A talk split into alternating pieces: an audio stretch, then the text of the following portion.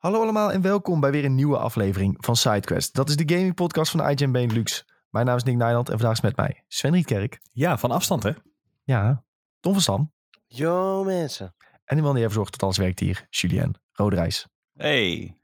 Ja, zoals gezegd, eh, vandaag staakte NS, dus we konden niet naar kantoor. Helaas geen livestream op Twitch, maar eh, wel gewoon vanuit thuis nemen we alsnog de podcast op, omdat we dan ja, gewoon lekker Gamescom eh, alsnog kunnen bespreken. Dus eh, we hopen dat het geluidstechnisch allemaal eh, jullie zal bekoren. Het zal niet de perfecte kwaliteit hebben misschien die we op kantoor hebben, maar eh, alsnog denk ik wel dikke prima. Dus eh, we hopen dat jullie er alsnog van gaan genieten. Jongens, waar gaan we het over hebben? We gaan het dus hebben over Gamescom. Wat hebben we daar gecheckt? Wat hebben we daar gespeeld? Wat is er ook laten zien tijdens Opening Night Live van eh Jeffrey Keely? Kunnen we misschien ook nog wel bespreken wat we een beetje hebben meegemaakt. Daro. En ja, misschien moet het nog even over hebben dat de PS5 even tijdens Gamescom duurder is gemaakt. Eh, en we hebben natuurlijk altijd weer wat mediatipjes. Voor we het daarover hebben, jongens, hoe is het ermee? Sven, hoe is het met jou? Ja, lekker. Het is eh, even. Ik ben langzaam naar mijn vakantie toe aan het werken. En dat merk ik een beetje. Dus er zijn die laatste, laatste loodjes voor een weekje vakantie. Dat is wel, eh, wel prima. Lekker. En wat gaan jullie doen? We gaan naar Noord-Macedonië toe. Een weekje. Vrijdag, vrijdag. Dus ik ben ook echt even echt eruit. En dat is wel, wel nice. Dat is niet een land die je vaak hoort waar mensen Nee. heen gaan. Nee, ja, het is eigenlijk nog een, eh, een zoals heel veel mensen hebben, een uitgesteld eh, reisje van eh, twee jaar terug. Met corona kon het natuurlijk niet. En toen hadden de ouders van mijn vriendin bedacht, kom, we gaan met z'n allen vanwege ons zoveeljarige huwelijk lekker een- weekje weg. Maar ja, dat gaat dus nu eindelijk gebeuren. Lekker man. Goed bezig. Ja, zin in. Beetje uitgerust ook weer van Gamescom. Nou nee, ik merkte gisteren, gisteren helemaal nog niet. Vandaag wel iets beter weer. Maar ik ga echt, eh, ik lig al eh, drie dagen om half tien in bed geloof ik in de avond. Jij slaapt Ja, zo echt... eh, Op Gamescom Ja. lag je ook al om half tien in bed. Dus daar is eh, nog niet veel aan veranderd. Ik nee, ja, het was, eh, dan is het nodig hè? Zullen we dan maar zeggen, ja. Tom, hoe is het met jou? Ja, eh, prima eigenlijk. Weer eh, eindelijk een beetje tijd om te herstellen na alle, alle gekte. Alle Gamescom gekte, Lowlands gekte. Nou, afgelopen weekend stond ik ook gewoon weer in de club. Dus eh was, was ook weer gekte. Maar eh verjaardagje van een vriend. En uiteindelijk eh, was dat natuurlijk weer helemaal uit de hand gelopen. Zoals dat gaat. Lekker en, toch? eh, ja, zeker. Moet gewoon kunnen. Maar uh, voel me wel prima voor de rest eigenlijk. En nou ja, net als Sven ook een beetje aan het toewerken naar de vakantie. Eh, morgen heb ik nog een dagje vrij en eh, daarna nog anderhalf weekje en dan ga ik lekker naar Italië. Dus eh, daar kijk ik ontzettend naar uit. Zo, Lekker, gebied ga je naartoe? Eh, ik ga naar eh, Como meer. Lekker. Ja. Hij gaat eh, Star Wars eh, foto namaken. Star Wars foto namaken, Succession eh, beelden namaken. Dan eh, nou, heb ik weer wat materiaal voor op de socials, weet je. Echt hoor. belangrijke natuurlijk. Einde seizoen 3 van Succession is daar toch? Ja, zeker. Maar ze uiteindelijk de, de clash hebben met elkaar. Eh, ja, eh, er is dus zo'n gedeelte, dan zeggen ze dat het op het meer van Genève is, geloof ik. Maar dat is dus gefilmd op het meer van eh, Como. Ja, precies. Hopelijk heb je met je vriendin niet zo'n clash als eh, de mensen van Succession in de serie. Ja, eh, ze zeggen altijd wel, eh, vakantie is ultieme test, hè. En nou ja, zo lang zijn we nog niet weg geweest. Mede door corona ook. maar ja, we gaan het zien, we gaan het zien. Ah joh, Of het zo'n clash wordt als Succession. ja, zou het zijn. Ik verwacht wel echt die foto hoor van Star Wars. ja, nou zeker. Ja, nee, ik heb een lijstje gemaakt met dingetjes om te doen, dus eh, dat staat, eh, ja, staat ver bovenaan het lijstje uit. nu moet ik alweer lachen dat je een lijstje hebt gemaakt.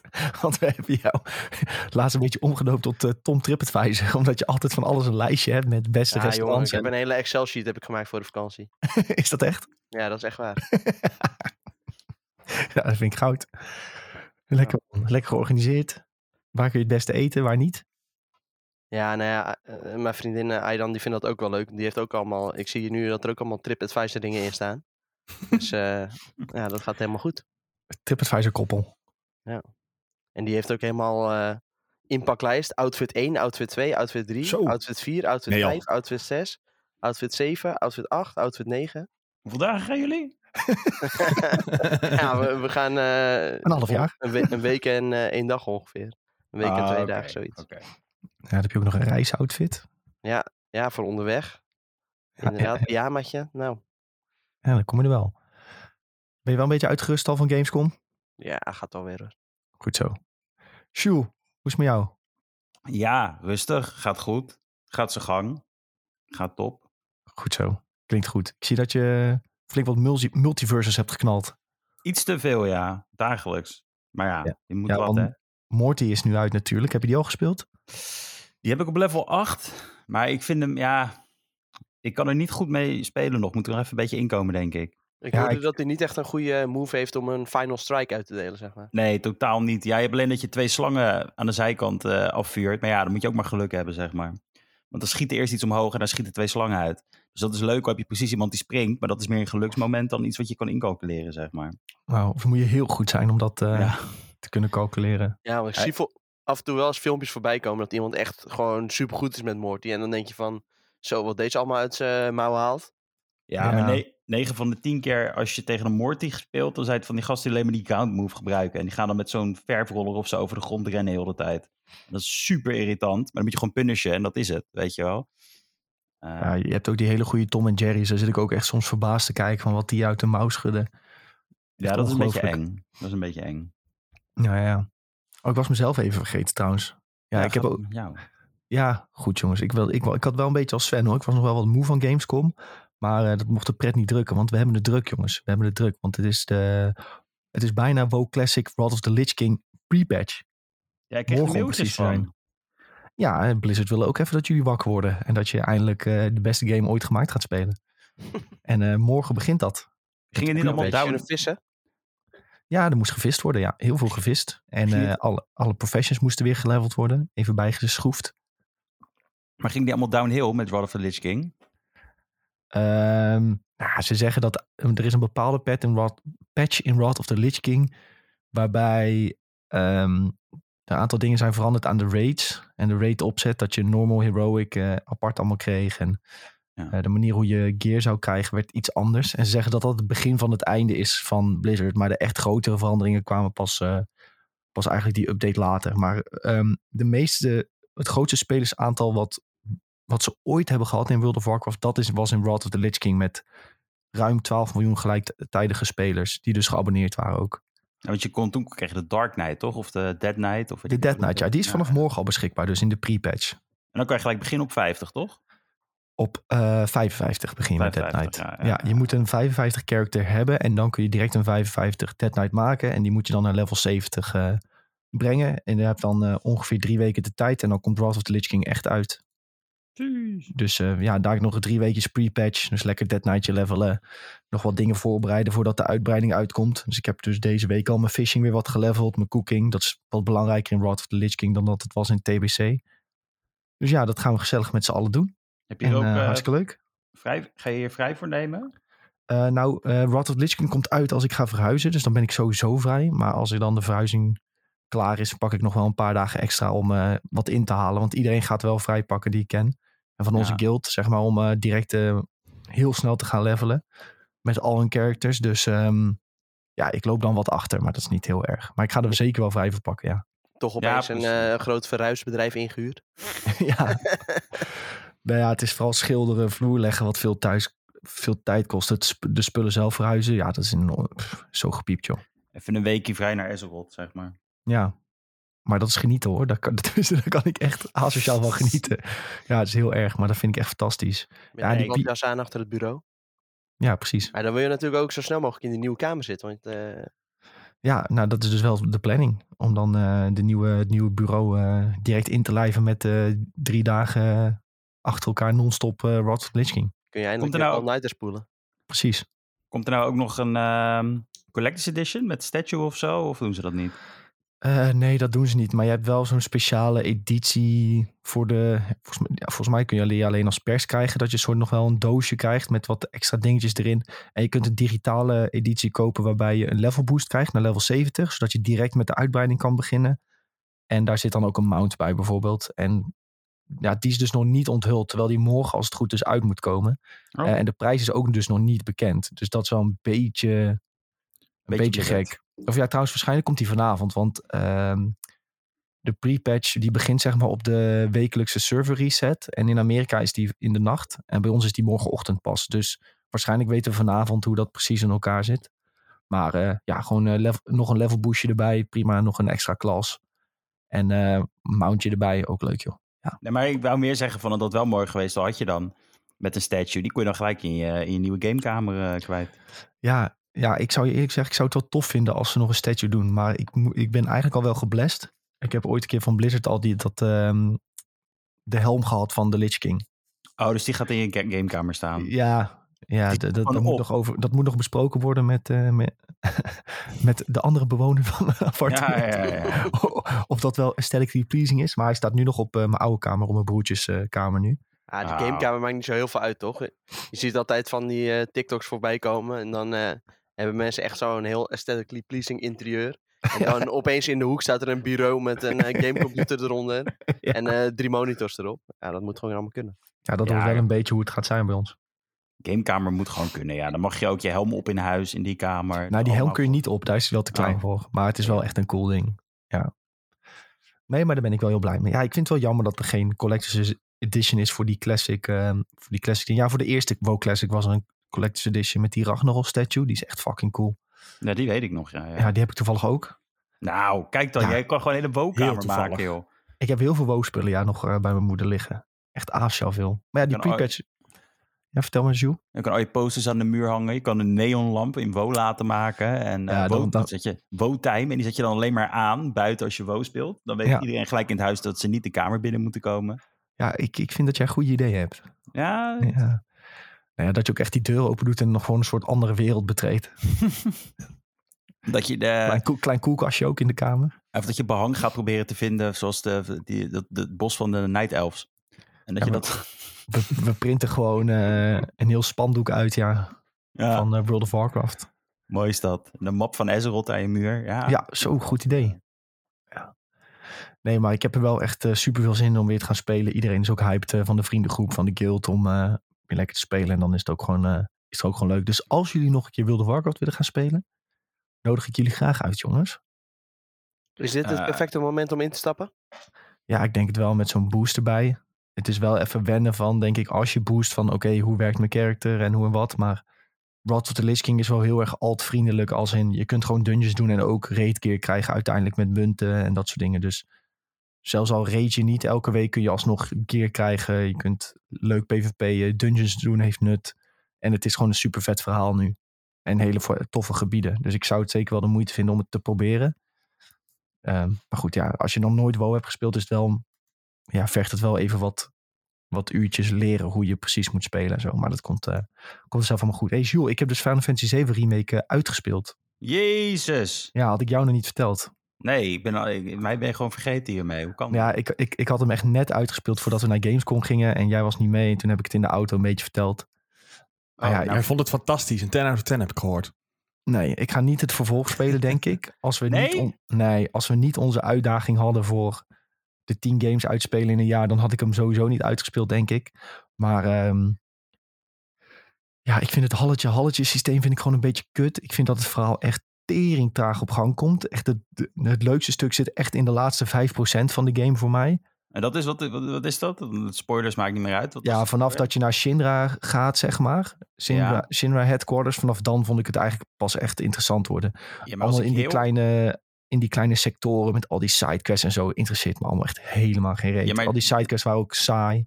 Dit is toch juist halletje halletje dan? De laatste 5% is juist extreem halletje halletje. Alles is halletje halletje. Hoe bedoel je, je kan, dat je niet kan springen vond ik ook zwaar irritant. Ik, vrij, ik vergelijk het heel tijd met Kingdom Hearts, wat ik misschien niet moet doen. Nee. Maar ja, ik vond het ook, ik vond het verhaal niet, niet heel meeslepend, niet heel boeiend. Ik vind de bad guys kom je in het eerste uur bijvoorbeeld één keer zie je ze voorbij flitsen in een korte cinematic. En dan kom je ze pas weer 25 uur later een keer tegen. Maar allemaal dat, dat, is soort ook dingen. Kingdom Hearts. Ja, maar daar stoort het me minder. Omdat je tussendoor nog... eh, heb je, op tussendoor heb je een soort van nog leuke mini-verhalen. Je komt Maleficent, zie je in Kingdom Hearts 1 misschien ook twee of drie keer. Maar dan, dan is het soort van nog eh, leuk en mysterieus wat zij aan het doen is en aan het plotten zijn. En dan komen ze ook nog wel een paar keer tussendoor terug. Maar dan heb je tussendoor heb je nog soort van mini-verhaaltjes en zo die ik ook leuk vind. Bijvoorbeeld als je naar Tarzan gaat, fantastische wereld. Maar ja, wat heb ik in Final Fantasy 7? Ik, ik moet eh, een koning kikker eh, verslaan voor, eh, voor een stel kinderen die, we, die, die, ja, die lastig worden gevallen door die kikker. Ja, interesseert me geen reet. Ja, Ik vond, ja, ik vond het gewoon een beetje leem. En maar- het is wel, als je echt een vergelijking gaat trekken. Ik bedoel, je hebt ook in, in Kingdom Hearts 3 had je ook echt tergend irritante sidequest. Met die Remy of zo, dat je dan al die ingrediënten moest zoeken voor Ja, maar dat heb ik nooit gedaan in Kingdom Hearts 3. Ja, maar ja, daarom, zo bedoel ik het van, het is ook een sidequest, weet je wel. Het, het, het, Ja, het is optioneel. Ja maar ik vond, de, games zo. ik vond de main quest in Final Fantasy 7 dus ook niet heel erg boeiend. Het verhaal is ook echt van, je hebt een evil corporation die het leven uit de aarde zuigt. Ik denk van ja, snap je, dat, dat had me, dat had mijn oma van 85 ook nog wel kunnen bedenken, weet je wel, zo'n verhaal. Kan ik het nieuws al aanzetten, denk je dan? Ja, het is. eh, ik, ik vond dat gewoon niet zo, eh, niet zo spannend. Het triggerde mij gewoon niet echt. En als je dan de interessante personages die er dan zijn, die zie je maar zo weinig. Ik vond bijvoorbeeld ook dan uiteindelijk in die City That Never Sleeps, die baas daar, ik ben zijn naam even kwijt. Dat vond ik wel een grappig en interessant personage en een leuke bad guy. Maar die komt ook meer maar twee of drie keer heel kort voor. Ehm, ja, ik vond de, wapens die je met Cloud kon krijgen, vond ik ook niet mega bijzonder of speciaal. Ik was ook, dat is misschien wel het ergste. Ik was niet heel erg fan van de combat. Het is gewoon drie keer slaan. Je doet een speciale aanval, drie keer slaan, speciale aanval. En dat is het een beetje. Ja, ik weet niet. Ja, maar je kon ook turn-based aanzetten, hè, als je echt het oude wou. Ja, als je had wil, gewild dat ik de game direct had ge- Ja, geïnstalleerd, dan had je tur- turn-based inderdaad aan moeten zetten. Want daar heb ik toch een hekel aan. Dat accepteer ik alleen in Pokémon. En voor de rest haat ik het echt. Ja, maar dat is, het is letterlijk hetzelfde als Pokémon inderdaad dan. Ja, maar dat, dat is niet echt, eh, niet echt mijn ding. Maar goed, ehm, ik, ik, kan, ik, ik zie nog steeds wel waarom mensen dit leuk vinden. En waarom ze het tof vinden. En ik denk als ik het als kind had gespeeld, dan had dit me meer gepakt. Maar nu was het gewoon niet, eh, Ja, ik denk helemaal de, mijn ding. De PlayStation 1 versie toen had gespeeld, eh, dat het een heel ander verhaal was natuurlijk. Ja, Eh, of als je, Als je- überhaupt als, als kind heel hard in aanraking was gekomen met Final Fantasy. Dat was dan geen eens 7, maar als je gewoon één van die games had gespeeld, dan waardeer je Ja. het misschien iets meer. als je dan ziet hoe die wereld tot leven komt. Want de, de wereld ziet er wel echt heel mooi uit hoe ze het hebben gemaakt. Ook al is het een redelijk saai gebied. Ja, Dat hebben ze wel echt mooi gedaan. En ik heb echt wel mooie dingen gezien en mooie dingen meegemaakt. En het is... Ik, ik zeg ook niet dat het helemaal een kutgame is. Maar het is gewoon niet helemaal voor mij. Laat ik het daarop nu- houden. nu is mijn, eigenlijk mijn vraag, is ga je dan eh, die, de nieuwe Final Fantasy spelen, ook komt die uit? Eh, omdat je zei van, ik herken Nee, ik wel dingen niet. van Ik heb Final 15 ook niet 14 gespeeld. Of het moet echt hele goede reviews krijgen. Nee? Ja, dat had ik nu ook wel. Ja, je kunt natuurlijk eh Ifrit en zo eh, summonen. Dat was, op zich nog wel, dat was op zich nog wel cool. Vet Chocobo kon je ook summonen. Ja, die had ik ook nog. De Chocobo's, die had ik ook nog gekregen, ja. ja. maar de rest allemaal niet. Daar heb ik ook geen moeite voor gedaan. Nee, dus je gaat niet de nieuwe Yoshi P eh Final Fantasy spelen, tenzij de reviews hoog zijn, zeg maar. Ja, dan moet ik, moet ik er even wat meer over leren, zeg maar. Wat de bedoeling is van die game. En misschien. Ik Ja, hou het op misschien. Ja, een ja, potentieeltje. een potentiële game. Oké, interessant. En volgens mij heb ik dit de vorige keer al gezegd. Maar ik heb Dying Light 2 dus ook uitgespeeld eh, samen met mijn zwager. En dat was echt helemaal kut. Dat lijkt me ook geen leuke game, nee. Nee, ja, heel veel potentie, maar het komt er gewoon niet uit. Nee, Mijn ja. ogen. Dat ik. Ehm, goed, eh, Tom, wat heb jij nog eh, gespeeld? Je hebt tijdens Gamescom had je je Nintendo Switch mee. Toen heb zei ik nog van, wow, wat is die OLED eigenlijk super mooi. Want ik heb zelf geen eh, Switch OLED. En toen zat Ja, je al. Hollow Knight is te spelen. ja, nog steeds best wel een groot verschil. Als ja, je dat af en toe naast elkaar ziet, dan, ja, dan kijk je daar echt wel van op. ja, Ja, ik had heel veel Hollow Knight gespeeld hoor. Niet heel lang, maar af en toe als ik gewoon even 10 minuutjes de tijd heb, dan pak ik hem even erbij. En uiteindelijk Mhm. maak je dan toch alweer wat, eh, wat progressie. Dus dat is sowieso wel top. Eh, verder, toen ik thuis kwam van Gamescom, heb ik me nog meteen even Multiverse opgestart. Even die, eh, die fix weer even terughalen. Wat, wat is je Battle Pass level nou? Oeh, Battle Pass, dat was nog niet zo heel hoog hoor. Ik denk dat ik eh 9 of 10 zit. Ah, Zoiets. dat, is toch, dat is toch redelijk ver. Ja, is toch wel decent. Ja. Want ja, uiteindelijk zijn er zijn 50 levels en je hebt echt nog tot half november de tijd. Dus uiteindelijk, het lijkt altijd een beetje alsof je langzaam gaat. Maar als je gewoon af en toe een beetje die dailies doet, dan, eh, dan red je het wel, denk ik. Dan kom je er wel. Makkelijk, makkelijk. Want je krijgt zonder dat je het weet, werk je ook weer door aan die eh, monthly dingen. Of die, die challenges. Ja, het precies. Dus het komt allemaal goed. Daar kijk ik ook voor de rest niet echt eh, al te veel naar. En dan, ja, dan zie ik het wel als ik er een keer eentje behaal, weet je wel. En dan, als die af en toe erbij tikt, krijg je ook weer iedere week nieuwe van. Dus ja, dat, dat is sowieso wel fijn. En dan uiteindelijk, nou ja, dan eh, hou je het wel. En ik wil sowieso wel het einde halen, want eh, ik- ben sowieso nog steeds Bugs main. Eh, af en toe Velma nog een beetje, maar meest nog toch wel Bugs. Vind ik toch wel het fijnste spelen. Ook, ja zeker. Ja. ja, ook 1v1 best wel gewoon een heel goed personage. En eh, in 2v2 al helemaal, dus... eh, nou ja, het zou wel lekker zijn als ik dan dat- skinnetje even erbij haal. ja, dan kan je wel flexen. Die moet je wel hebben, ja. Nou Ja, die moet ik ook flex nu ook al met de Bugs Baltjaskin. Dus eh, Hè? Ja, die is ook ook goed. niet moeilijk over. je- die Hollywood. eh, ja, Hollywood. Die was 10 15. euro. Ja, ik weet het niet. eh, gewoon eh, die Glimium die stond er opeens. En eh, toen, eh, toen eh, had ik opeens die skin, weet je. Ja, zo ging dat. Ja, lekker hoor, lekker. Ja, en eh, ja, op Gamescom nog wat eh, spelletjes gespeeld. Maar daar gaan we het straks over hebben, denk ik. Zeker. Dan bepalen we Ehm, even. Ja, nog even naar Sven. Die heeft twee hele bijzondere dingen gespeeld. Eh, Word ik weer belachelijk gemaakt nu? Of, eh? Nee, nee, nee, nee, nee. Ik vind het dat je twee speciale games hebt gespeeld. Oh, ik Toch? dacht dat- ja, ja, eentje, is, eentje is iets compleet nieuws. Klopt, ja. Ik denk dat je F1 Manager bedoelt. Ja, Ja, die is afgelopen vrijdag in Early Access gegaan. En hij is vanaf vandaag eh, de 30ste officieel beschikbaar. Eh, en ik speel hem op PC. Ehm, en hij is ook op eh, consoles, dus PlayStation 5 en eh, Xbox beschikbaar. En het is eh, ja, best wel leuk eigenlijk. Ik eh, lees op het internet heel veel mensen die eh, toch meer van hadden verwacht. Maar voor een eerste manager game op deze manier vind ik het eigenlijk best wel geslaagd.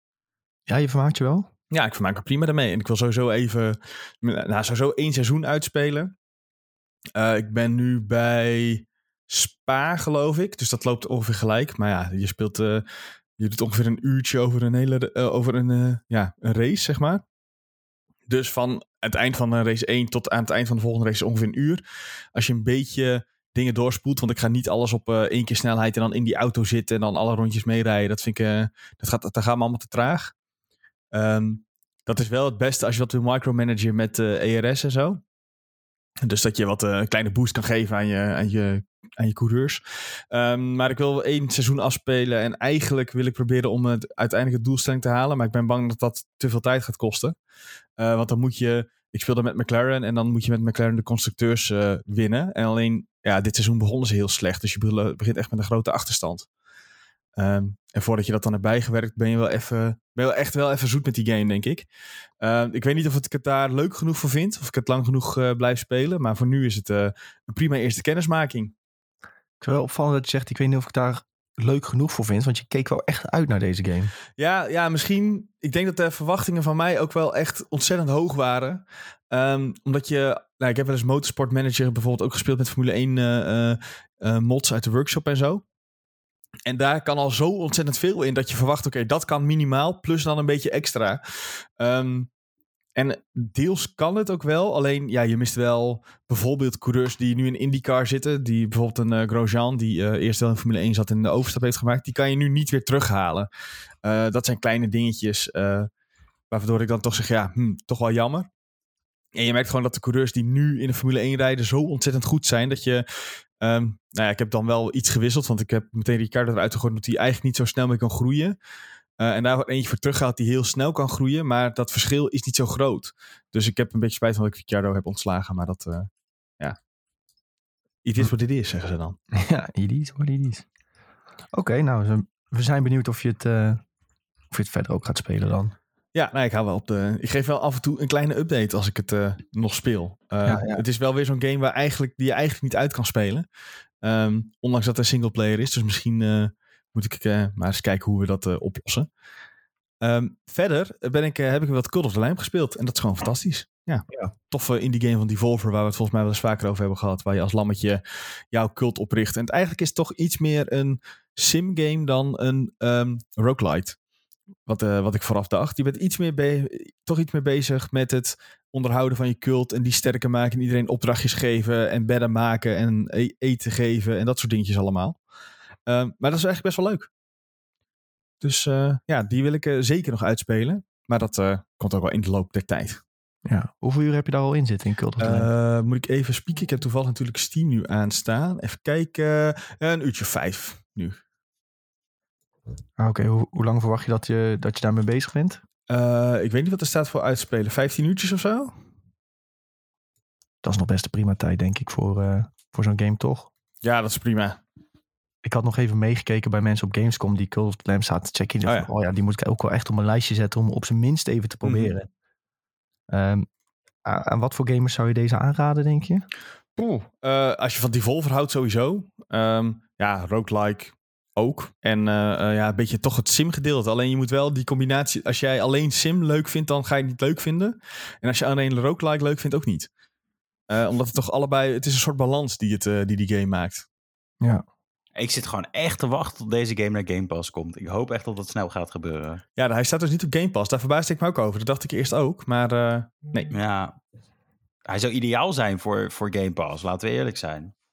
Ja, eens. Nee, sowieso. Ehm, maar misschien hè, denken ze, ja, dit is eh, zo goed gelukt dat we eerst even flink eh, geld gaan vangen. Ja, dat is ook wel weer zo natuurlijk. Hè? Want dat vind ik het wel waard. Het is ook geen full-priced game natuurlijk, hè. Dus eh, Nee, precies, precies. En hij is best wel goed verkocht, toch? Ik eh, weet niet eh, wat de ver- verkoopcijfers zijn, moet ik heel eerlijk zeggen. Ja, nu zitten we toch achter de computer, dus we kunnen het even opzoeken, toch? Cult of the Lamp, sales. Volgens mij hadden ze daar wel iets over gezegd. Hier, 1 miljoen kopies in heel snel. Oh, dat is wel nice, ja. Ja, dat mag je wel als een succes zien, eh, zeker voor een indie-ontwikkelaar. ja, in een week? In een week. Ja, dat is eh, meer dan netjes zelfs. Ja, Hey, eh, over eh, opzoeken gesproken. Eh, we hadden het net over multiverses. En Warner Bros. die heeft een eh, trademark ingediend voor het gebruik van Big Chungus in videogames. ja. Ja, ik zag het op TikTok voorbij komen. Ja, wat geweldig. Ja, daar ga ik echt heel erg goed op. Voor de duidelijkheid, de Big Chungus is een soort van eh, ja, dikke versie van eh, Bugs Bunny. ja, maar gaan ze dat dan een skin maken? Of, of... Ja, ik Ja. denk dat het of een emote wordt of gewoon een hele nieuwe character. Ik denk inderdaad ook een nieuw karakter. Want als ik het goed heb, is het niet exact hetzelfde als Bugs Bunny. Het is niet. Ja, het is echt wel een los personage. Komt uit een eh, oude aflevering van Merry Melodies. Zo meldt de Eurogamer. En dat is een, eh, ja, een reeks animated shorts. Nou, dat was een soort van ja, spin-off op eh, Looney Tunes. Was het Oh, ik dacht dat Ja. dat altijd gewoon de Looney Tunes was, Merry Melodies. Nee, ja, een andere naam was. spin-off. eh, ja, een Oh. soort van zusterserie op Looney Tunes. Oké. En eh, de aflevering heette Wabbit Trouble. Oké, ja, ik zag het wel voorbij komen inderdaad, die Big Chungus. Maar ja, nog niet echt duidelijk of het, wat ze ermee gingen doen of zo. Dus Nee, precies. Het is nog maar een vraag of het echt eh multiverses eh, wordt natuurlijk. Maar met het aantal geruchten voor personages dat we voorbij hebben zien komen over multiverses. Ja, die kansen zitten dan wel redelijk in. ja, ik zag ook dat die lead developer ook had gezegd van... Of iemand vroeg aan hem van, heb je een bepaald aim voor het aantal personages dat de game gaat krijgen? En toen had hij ook iets gezegd van... Als mensen willen dat we personages blijven maken, dan blijven we ze maken. Er zit niet echt een limiet op of zo. Ja, het is echt, ze hebben ook zoveel bronnen waar ze uit kunnen putten. Dat is echt ongelooflijk. Ja, Ik heb trouwens wel gevonden, de naam Merry Melodies is een afgeleide, eh, afgeleide van de naam Silly Symphonies. De tekenfilmserie die Disney rond die tijd maakte. Stelletje Jeetje. boeven, allemaal jatten van elkaar. beter goed gestolen dan slecht bedacht, hè? Ja, dat is waar, dat is waar. Ja, ja. Hey, eh, is het tijd om te praten over Gamescom? Nou, ik denk het wel. Ik denk het ook. Hey, ehm, laten we gewoon even aftrappen met eh, de knallers.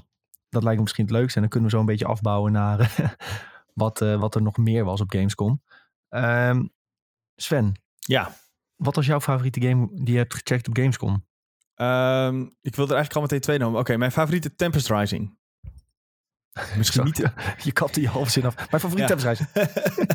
ja, nee, ik heb eigenlijk, eigenlijk twee categorieën, zeg maar. En hetgene wat het, wat het grootst gaat worden qua gaming is een andere dan die ik het leukst vond. Aha, oké. Ja. Ja, leg maar uit zou ik zeggen. Nou ja, Tempest Rising was mijn eh, eigen favoriet. Dat is eigenlijk een soort Command Conquer, maar dan in een 2022 jasje. Dus iedereen die ooit eh, Red Alert en zo heeft gespeeld, die gaat dit echt fantastisch vinden. En eh, ja, er is gewoon heel lang niet een game gemaakt waarvan ik de indruk kreeg dat het zo goed werkte, zo goed over na is gedacht en zo erg ook de nostalgie weet te pakken als deze game.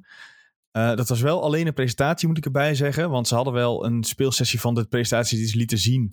Maar dan moest je met een fastpass eh, de, de, ja, de drukte in. Daar had ik niet heel veel zin in en tijd voor. Ehm, maar die presentatie zag er heel, heel cool uit. En ik kan ook eigenlijk niet wachten om daar serieus mee aan de slag te gaan. En de tweede die ehm, eigenlijk eh, qua grootte ook heel tof was, was Dead Island 2. En dat had ik eigenlijk niet verwacht vooraf. Ehm, maar dat speelde zo lekker dat, ik, dat ze mij echt op de schouder moesten tikken van eh, en nu wegwezen, want je zit niet te lang. Je werd gewoon weggestuurd. Ja, hij werd gewoon, ik had niet gehoord. Ik, was, ik zat zo geconcentreerd te spelen dat ik niet hoorde dat de tijd voorbij was. Dus een van die ontwikkelaars tikte me op mijn schouder. eh, je tijd is op. dus ik zo, oh, oké, oké, sorry. Jongen, jongen. Klinkt wel positief in ieder geval. eh. Ja, daar heb ik me echt, eh, die heeft me echt op een positieve manier verrast, ja. Maar op wat Ja, voor manier dan? Wat was daar zo cool aan? Want Nou ja, het is... als mensen ehm, de oude ja, Dead eh, Island Mhm. niet kennen of juist in gedachten nemen, wat eh, nou ja, anders. Het is eh, één, je hebt loot. Nou ja, dan heb je mij aan het pakken. Ja, dat is makkelijk. Ja, dat is, dat, is, ja, dat is een beetje een flauw, flauw grapje. Maar ehm, de manier waarop jij als een soort. je bent niet meer een persoon die moet vluchten voor de apocalypse. Je hebt een gevestigd plekje in LA gevonden. Dus is de, de zombie-apocalypse versie van LA, eh, Amerika. En jij bent zeg maar een sterk iemand die daar dan opdrachten gaat doen. eh, al zombie-hakkend. Ehm, ja, al zombie-hakkend dat doet. Ehm, en daarbij heb je eh, kregen wij een, een level te spelen. Dat was op de pier van Santa Monica. En dat was een soort, dat is natuurlijk, daar zit een soort pretpark op.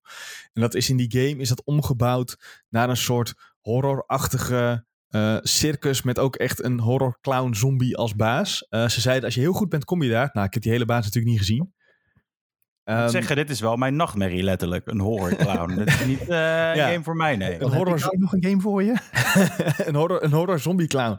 Ehm, maar daar, daar kwam ik niet eens. Eh, dat kwam ook omdat je eh, meteen een hele zwik aan wapens kreeg. Eh, en dat ga, ging van een, een geweer, een handpistool tot aan een automatisch pistool tot aan ehm, Wolverine klauwen die elektriciteit eh, kon, afvuren, eh, kan afvuren tegen vijanden en een bel waar je zombies mee in de fik kon zetten.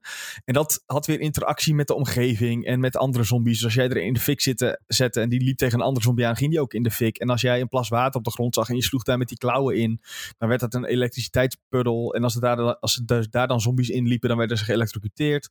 Eh, en een soort Tesla-coil die dat dan weer naar anderen afschoot. Dus dat was gewoon best wel nice. Eh, het zag er ook ja, beter uit dan verwacht. Eh, je denkt zombie-apocalypse is duister, donker. Maar het was juist heel erg eh, neonlichten. En ehm, ja, ik wil bijna zeggen vrolijk. Ondanks de thematiek in die hele game.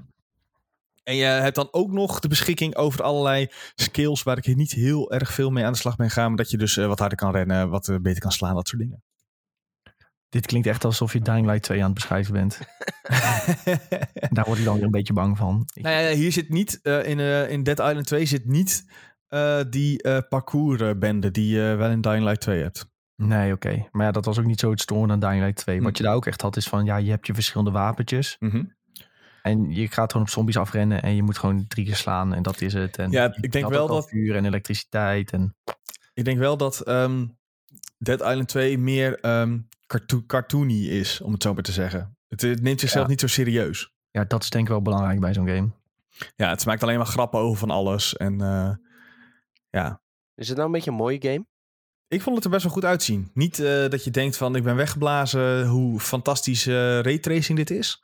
Maar ik had niet zoiets van, oh, ik ben nu echt iets heel lelijks aan het spelen. Want dat hebben we, nou ja, wij allemaal waarschijnlijk wel ook eh, hier en daar gehad. Ja, zeker. Ja, er zijn wel, eh, echt wel wat lelijke games voorbij gekomen. Maar Ja. wat me ook echt opviel was dat er heel veel games gewoon nog in Unreal Engine 4 werden gemaakt. Zo. Terwijl Mhm. in mijn beleving worden nu juist een heleboel games in Unreal Engine eh, 5 gemaakt. En die zien er juist allemaal echt gruwelijk mooi uit. Ja, maar dat is wel... Unreal Engine 5 is toch nog maar een jaartje of zo beschikbaar? Ja, Ja, het zou wel, zou wel vroeg zijn als daar al wat eh, speelbaar van was. super veel verstand van engines en zo hoor. Maar eh, het viel mij gewoon op dat. eh, ja, dat, ja dit zijn wel games die zijn al jaren in ontwikkeling.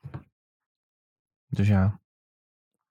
Unreal Engine 5 misschien volgend jaar of het jaar erop pas dat je er echt iets speelbaar van gaat krijgen. Ja, ik denk dat dat nog wel even gaat duren ook. Maar goed, Dead Island 2 dus. Ik vond het wel, eh, wel cool. En ook, Ja. eh, ik, we konden helaas niet co-op, maar dat kan straks wel. Dat lijkt me helemaal fantastisch. Als je dan eh, wat kan afspreken met elkaar. En eh, nou ja, in co-op wordt sowieso alles ongeveer leuker. Ja, maar jij bent dus echt een, een ehm, hoe heet dat, Eh, Borderlands fan. Is dit denk je dat ook in dat straatje voor Borderlands fans? Want als je het zo hoort is het wel... Het, ja, maar de humor is niet zo flauw, zeg maar. Oké, gelukkig maar. Het is niet van die slapstick-achtige eh, humor. Nee, oké, oké. Wanneer komt die uit? Eh, februari volgens mij, 2023. Ja, dat is op zich al eh, relatief bijna. Ja, nou ja, die, die game was officieel 38 jaar geleden ongeveer al aangekondigd. En toen eh, hoorde je er heel lang niks meer van. Reboot alles.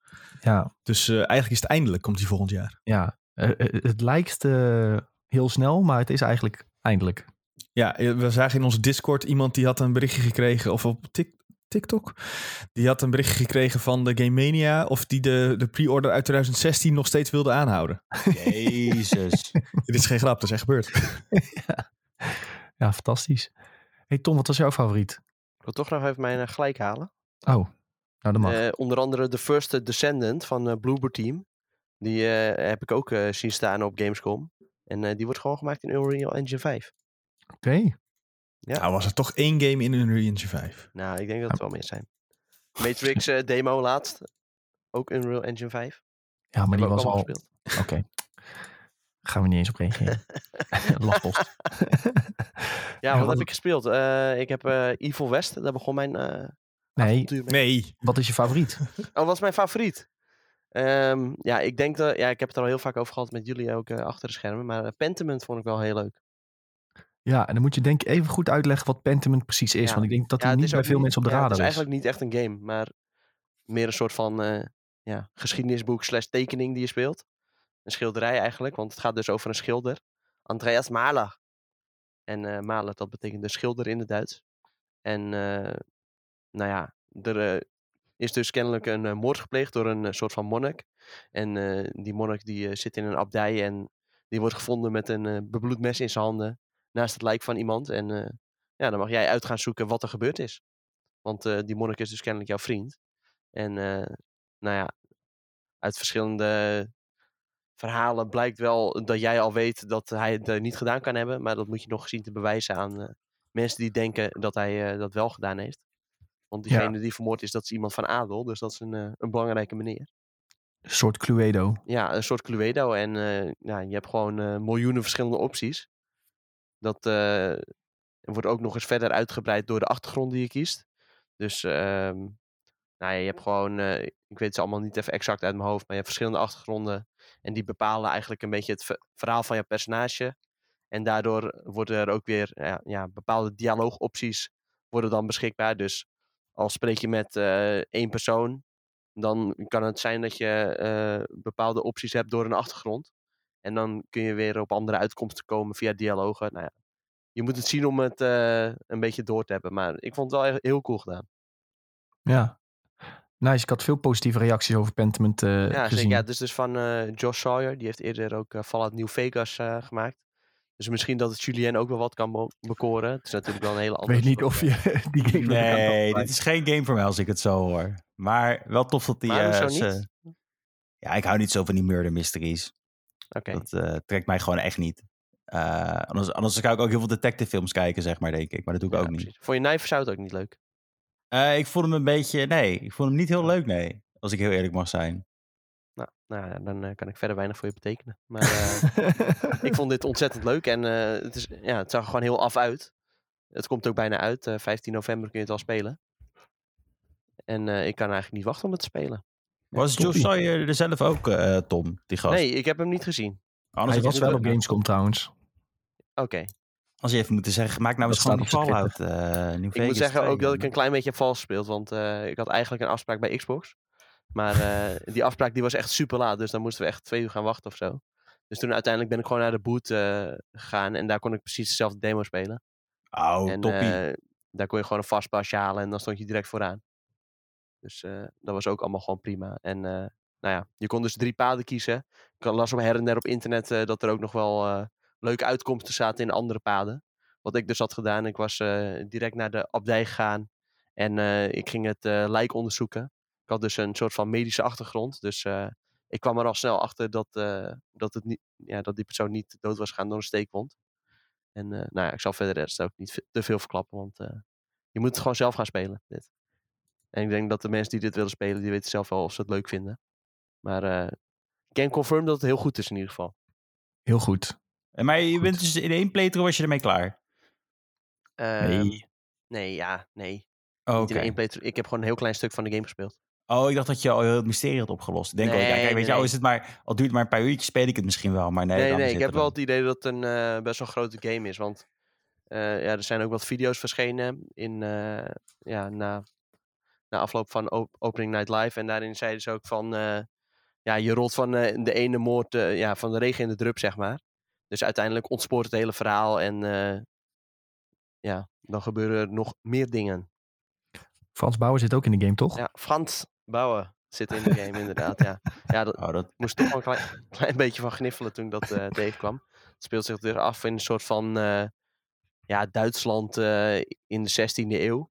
Dus eh, nou ja, dat soort eh, Nederlandse en Duitse namen die komen wel voorbij. Ik weet nou niet of Josh Sawyer daadwerkelijk bekend is met Frans Bauer of dat het gewoon per ongeluk is. Maar Ik denk dat gewoon een random name generator op German is gezet. Ja. En dat die dan Frans Bauer eruit heeft getrokken. Zou inderdaad. kunnen hoor, zou kunnen. Ik hoop echt dat hij hem kent. Misschien werkt er wel gewoon een, Nederlander bij eh, die eh, ontwikkelingsstudio. Dat zou natuurlijk ook kunnen. Dat kan ook nog, ja. ja. Zullen we hem een tweetje sturen, Josh Sawyer? Josh Sawyer. You know Josh Frans Bauer? Sawyer. ik ga hem... Zullen we hem gewoon nu een tweet sturen? Is dat grappig? ja doe zou wel grappig zijn als hij reageert dan. Wacht, ik ga wel even met de IGN-account. Zou ik wel doen, ja. Ehm Do you Hi, know, eh, heb je even voor mij? ehm, wat is zijn account? Ed J- Josh Sawyer. J.A. Sawyer. Hi at J.A. Sawyer. Ja. Oh ja, Did you naartoe. actually know Frans Bauer? or is the name in Pentiment Eco? Oh, hij is ook. Engels en Duits. Dat wist ik niet eens, joh. Gaan we dan het nummer van Frans Bauer erbij zetten? Ja, je moet Frans Bauer wel taggen in de tweet. Maar dat-? Maar dan wel dat hij eh, Ramstein covert. Nee jongens, dat kan Even kijken. Wat is een uh, Wel welke iconisch. verloren Skippy tijd? Ball. Oh. Frans Bauer live in concert. Eerlijk, ik vind het wel heel eng, uh, Gilles, dat jij meteen een toch redelijk onbekend nummer van Frans Bauer kan roepen. Ja, je moet eens weten wat ik allemaal... Ik, heb, ik zeg toch, ik heb best wel goede muzieksmaak, maar daar wordt dan over gepraat. Best een goede muzieksmaak en dan noemt hij Frans Bauer. Nou, wil je zeggen dat het niet goed in is elkaar mis zit met? Frans Bauer? Ja. Dat is niet mijn muziek, jongens. ja, maar dat Dat is, dat wel, is persoonlijk. Dat is persoonlijk. Ja, dat is zeker waar. Oké, ik ga nu naar hem tweeten. Hi. Sorry, did you, did you actually know Frans Bauer? Is the name in Pentiment a coincidence? Ja, weet je wel, dan did you know at Frans Bauer? Dat je ook wel laat zien. Ja, is precies. de real deal. Ja, en dat hij ook kan klikken en oh, er is echt een Frans Bauer. Heeft Frans Bauer Twitter dan? Ja, tuurlijk. Lijkt me wel, toch? Iedereen heeft een Twitter. Het Frans Bauer in de score. Eh, Oké, ik heb het getweet naar hem. Nou, Ja, nou, en nou echt. Twitter ook. Gewoon 90.000 volgers die gozer. Zo. Mijn favoriete Frans Bauer moment is dat hij een keer eh, samen met eh, de opposites heeft opgetreden. Wat nou, wat nou als onze tweet ervoor zorgt dat hij een copyright strike gaat eh, doen naar Pentiment the Game en de game Nou. daardoor uitgesteld moet worden? het zou wel top zijn. Nee, dat is nee. Dat doe je toch gewoon in die code Ctrl-F Frans Bauer eh, veranderen naar Nick Nijland. En dan eh, is het toch opgelost. Dan stellen we dat wel voor aan hem. Een wel combinatie van onze namen. Nou ja, hij heet trouwens wel in de game net anders, hè? Want eh, hij is dus Frans Bauer, maar dan met Frans met een Z op het einde. Ja, Ja, maar ik wil wel even terugkomen op Frans Bauer nu. Eh, Sven, jij zegt, hoe weet jij dat dat een Frans Bauer is? Maar weet je zelf ook wat het nummer is? Welke? De Skippybal. Nee, ik ging ervan uit dat jij gewoon de waarheid spreekt. Oh. Misschien is er wel geen nummer Skippybal. Dat zou, echt, dat zou ik top vinden. Frans. Jawel. Nee, bestaat echt. zou hier bluff geweest zijn. Hey, ehm, mijn favoriete game op Gamescom, zou ik die vertellen? Doe dat. Dit is Julien's nachtmerrie dus blijkbaar. Huh? Killer Oh. Clowns from Outer Space. Hey, we hebben al een reactie, jongens. Heb je al een reactie? Ja, het je, we, Wat van dan? Josh Sawyer. Oh, Nee, echt? niet. Ja, hij was er snel bij. Zo, Dat meen je niet. dat wel heel snel. I did not. Ours is slightly different. Frans Bauer. What interesting coincidence. Wat goed zeg. En dan moet je even vragen of Fallout 2 uitkomt. Fallout New Vegas Love 2. that. Uh, we the... Nee, dat ga ik niet vragen. nou, Well, we got your attention. while we got your attention, please, please call Microsoft to release Fallout New Vegas 2. Uh. Nee, ik zeg gewoon love that. Klaar. Eh, wie zit er nou weer berichten naar me te sturen? Oh, Erik. Laat me zitten. Oké. Ehm, goed jongens, ik was gebleven. Wel leuk dat hij direct reageert. Ehm, mijn favoriete game of Gamescom was dus Killer Clowns from Outer Space. En dat is dus blijkbaar Julien's nachtmerrie. Want die game gaat dus over horrorclowns die moeten jagen op mensen. En de mensen Ja. moeten in, eh, ook weer jagen op die horrorclowns. Ik vind niet veel eng. Maar wat ik wel oprecht eng vind, dat zijn clowns. Ik weet niet wat het is, maar Echt? ze zijn... Waar Ja, nee, want dan? Heb je een soort ja, trauma? Ik denk het. Ik weet het ook niet meer. Misschien ooit een keer met carnaval opgelopen of zo als kind zijnde. Maar ik vind ze gewoon... Je, je ziet die emoties niet heel goed door, dat, door die witte schmink. En je weet ook nooit of ze een mes bij zich hebben en je zo kunnen neersteken. Ik weet niet, ze zijn een beetje eng. Heb je die film ooit gezien, Jules? Die uit de jaren 80? It? Nee, Killer Clowns van Outer Space was vroeger Oh, nee. een film in de jaren 80. Nee, nee, die heb ik niet gezien. Nee. Ja, nou, voor deze game gaan ze dus samenwerken met de makers van die film. Eh, en die maker van de film had ook, die vond het echt super tof dat ze dit voor een game gaan gebruiken. Want ehm, zij wilden toen bijvoorbeeld ook wapens in die film stoppen. Die ze toen met die techniek die ze toen hadden en de CGI, zeg maar. ehm, konden ze niet alle wapens erin stoppen. En in die, in die games kan in principe nu alles. Dus Ja, nu zijn ze eigenlijk samen aan het werken om nog creepier wapens te maken. En eh is echt wel leuk. Maar Ga je het deze, deze wel... film nu ook kijken, Nick? Ik ga de film denk ik niet kijken. Ik ben zelf niet zo van de horrorfilms. Maar ik vond de game wel echt super interessant en heel goed opgezet. Ehm, die gasten die dit maken, die hebben ook ehm, Friday the 13th gemaakt. En in die game eh, speel je eigenlijk, is, is de jager is Jason en de mensen moeten wegrennen voor Jason. En wat ze hebben gezegd van oké, die game was een succes eh, bij het horrorpubliek. Mensen vonden het leuk. Maar wat konden we daar nou een beetje van leren? En Ehm, wat gebeurt er als mensen spelen? Wat, wat ervaren ze dan? En ik vond echt dat ze echt super goed erover hadden nagedacht. Is als je tegen Jason vecht, dan vecht je alleen tegen Jason. Dus stel Jason zit achter één mens aan, alle andere mensen voelen zich dan veilig. Snap je? Want ze zien, oké, Jason zit achter hun aan, ik ben nu veilig. En nu hebben ze dus zo gedaan dat drie clowns achter zeven mensen aan moeten. Dus zelfs al zie je dat één clown, clown achter iemand aan zit, de andere clowns kunnen achter jou zitten. Dus dat, daardoor voel je je als mens nooit echt veilig in je situatie. En dat vond ik al heel slim bedacht. Ehm, ze hebben nu ook veel meer trucjes en wapens gevonden om op mensen te jagen, die allemaal passen, goed passen bij de clowns. En ze hebben er ook over nagedacht dat de mensen ook eh, willen blijven spelen. In Friday the 13th kon je ontsnappen van Jason en dan was je, was je ontsnapt en dan kon je van boven meekijken, weet je wel. En nu hebben ze het zo gedaan, als je ontsnapt, dan kom je terug in de game in de huid van een ander mens. Ze zetten gewoon 25 NPC's in de map. En als jij bent ontsnapt, dan heb je een punt voor jouw team. En dan kun je weer terug in een ander mens om nog een keer proberen te ontsnappen. En zo blijf je spelen. Anders had je bijvoorbeeld echt dat je aan de zijlijn zat te wachten tot het volgende potje moest eh, beginnen. Ehm, en nu is dat dus niet zo. Je blijft constant spelen. Ook als de clowns jou verslaan. eh, ze, ze, pakken ze, hun in, eh, ze pakken je in de kokon. Ze nemen je mee. Je gaat dood. Dan kun je gewoon weer selecteren. Ik wil een andere NPC. En ik ga het nog een keer proberen om de clowns te verslaan of te ontsnappen. Ja, en dat zijn allemaal van die kleine dingen. Dat, ze, dat je denkt, oké, deze ontwikkelaar heeft wel echt heel goed over nagedacht. En ik moet zeggen, ik bedoel, de, de clowns zien er echt heel eng uit. Echt fucking creepy. En hun, ze hebben ook van die kleine handlangertjes, die zijn nog enger. Ehm, maar het, is ook wel echt een hilarische game. Ze, de clowns hebben bijvoorbeeld ook een hondje die ze kunnen oproepen en gebruiken. Die dan achter de mens aangaat. En dat hondje is een zeg maar ballonhondje. Dus die clown blaast dan ook echt dat ballonnetje op. En die zit dan aan een lijn. En die kunnen die dan loslaten. En dan gaat hij eh, de mensen zoeken. Ja, dat vind ik echt Ehm, heel leuk bedacht. Ja, en ze hebben dus ook een invisible car. Weet je wat die ontwikkelaar zegt? Yeah, the invisible car was the hardest for us to, eh, to model. En dan klikt hij zo naar de volgende foto. Ik kan een presentatie gehad. En dan zie je zo, die invisible car heeft alleen twee koplampen. Dus die invisible car model was alleen twee koplampen. Eh, en die clown stapt dan in en dan zit hij daar net als SpongeBob en Patrick in die onzichtbare auto. En wat er nou gebeurt als je dat hondje hebt gesummand en die gaat naast jou in de auto zitten en dan steekt hij zijn hoofd uit het denkbeeldige raam en dan waait zo dat ballonnetje zo in de wind, zeg maar. Ja, het zijn van die kleine details die de game dan ook nog gewoon eh, best wel grappig maken. Ehm, en de wapens die de clowns hebben zijn echt... eh, je, hebt, je hebt bijvoorbeeld zes verschillende classes. Die hebben allemaal, iedereen heeft weer een andere speciale aanval om te gebruiken. Alle clowns hebben de aanval om iemand in een kokon te stoppen en zogezegd mee te nemen. En dan kun je dus ook gaan kiezen van oké, welke drie clowns gaan wij gebruiken om eh, de mensen op de map allemaal proberen te vangen. Ehm, zo kun je, heb je nog een stukje tactiek. De mensen hebben ook weer een aantal classes die ze kunnen kiezen om proberen weg te blijven van de clown. Een politieagent heeft een wapen bijvoorbeeld. Ehm, een redneck heeft heel veel zakken, want die dragen cargo pants, dus die kan veel items meenemen. En zo heb je weer allemaal keuzes die je kunt maken.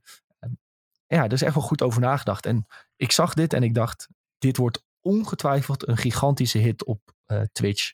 Dat van die grote groepen streamers die vaak games met elkaar spelen, die gaan dit echt als zoete koek eten. Di- dit heeft ook zoveel potentie voor leuke momenten. Ook voor YouTube-video's heeft het eh, heel veel potentie om eh, gekke dingen mee te maken. Het is een soort eh, am- 3D Among Us heb je nu eigenlijk. Hè, met eh, drie mensen die eh, moeten jagen op de rest. En, je, en ook omdat je dus wapens kan vinden, kun je ook gewoon grote gevechten krijgen tegen de clowns uiteindelijk. En als je genoeg wapens hebt, dan is het zelfs zo dat de clowns voor jou weg moeten gaan rennen. En dat dus eh, het eigenlijk omdraait. Dus eh, ja, ik was zeer onder de indruk hiervan. En ik weet zeker dat wij er met z'n allen moeten gaan spelen. En dat we echt gaan gieren gewoon. Ja, dat klinkt goed. Begin van het ik jaar. een eh, hartaanval krijg, dan eh Ja, zit ik Julien. zeker met z'n allen spelen. Misschien moet Julien overslaan dan. Maar Dus Julien alleen als, eh, als eh, clown spelen de hele tijd. ja, dan ziet hij niet eh, hoe het is om, om opgejaagd te worden. Ja, en ze hebben dus ook allemaal iconische locaties uit de, uit de film genomen. Ehm, en wat ook nog wel indrukwekkend was, elke keer als jij een game joint, wordt er een random generated map gemaakt. Ehm, ze hebben in principe gewoon allemaal gebouwtjes gemaakt en wegen. En eh, de game zet die gewoon op een willekeurige manier naast elkaar, als het ware. Dus je hebt nooit dezelfde map waar je op speelt. Dus je weet nooit van, oké, ik ben hier veilig, ik moet nu hierheen. Dat maakt het ook nog wel een stukje enger, denk ik. Maar wat ze dan wel hebben, is dat je bijvoorbeeld een aantal grote gebouwen hebt, zoals de Burger Tent, de Big Top Burger, die, eh, die ook bekend is uit de film.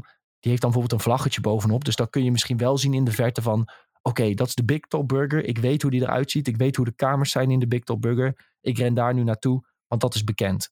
Dus je hebt wel een soort van die herkenningspunten, maar voor de rest is het eh, volledig willekeurig. En ook waar de mensen spannen, waar de clowns spannen. Echt eh, super indrukwekkend. En eh, ja, ook de clowns die hebben dus allemaal weer iets anders. Hè. Je hebt bijvoorbeeld een clown die heet eh, de Scout. En die kan dan heel hoog... Alle clowns kunnen trouwens heel hoog in de lucht springen. Maar de Scout kan dus heel snel door het gebied gaan. Boep, boep, boep, boep. Dan gaat de fog of war weg. En alle clowns die dan heel hoog in de lucht springen... kunnen dan op een plek die is eh, opgelicht, kunnen ze landen. Dus ja, als jij als mens gewoon door de straat loopt... en toevallig is de Scout daar geweest... dan kunnen al die clowns gewoon boem in één keer naast je landen. Ja, dat is echt gillen. Dus dat is echt heel leuk voor Julien. Ja, ik, eh, nee, nee. Ja, nee, dit is echt. eh, ik denk echt dat dit een hit gaat worden. Dus ehm, hij komt begin 2023. En ehm, ze zeggen dat ze een beta gaan doen. Je kunt je aanmelden op de website al voor die beta. En de ontwikkelaar zegt: we willen echt zoveel mogelijk feedback hebben. En want ze zijn natuurlijk, omdat ze met Friday the 13th, hè, daar hebben ze heel veel van geprobeerd te leren. En van die beta willen ze eigenlijk nog meer gaan leren. Zo zeggen ze dat natuurlijk heel mooi in een verkooppraatje. Ehm, dus heel veel mensen worden waarschijnlijk ook uitgenodigd voor die beta. Dus als je aanmeldt, heb je grote kans dat je wordt meegenomen. Dus eh, ja, ga naar de website, schrijf je in. En eh, ergens komende maanden komt de beta en begin drie- 2023 komt die game dan al uit. Dus eh, ik was echt zeer onder de indruk van hoe ze, dit, hoe ze hierover hebben nagedacht. Maar ook het, de artstijl, hoe goed het was uitgewerkt. En echt potentieel hitje dit. Ehm, had ik nog, ik had misschien nog een andere wat deels favoriet was. Twijfel ik over. Nee, ik, ga, ik, ik hou deze als mijn solo favoriet. Ik ga geen Svennetje poppen. Beetje vals spelen, hè? Ja, Sven deed een beetje vals spelen, maar dat maakt niet uit. Ik hou deze als solo favoriet. Maar er, er waren nog wel andere dingen waar ik onder de indruk van was. Ehm, wat, wat waren nog games waar jullie eh, ook onder de indruk van waren die jullie hebben gezien? Doen we het rondje weer?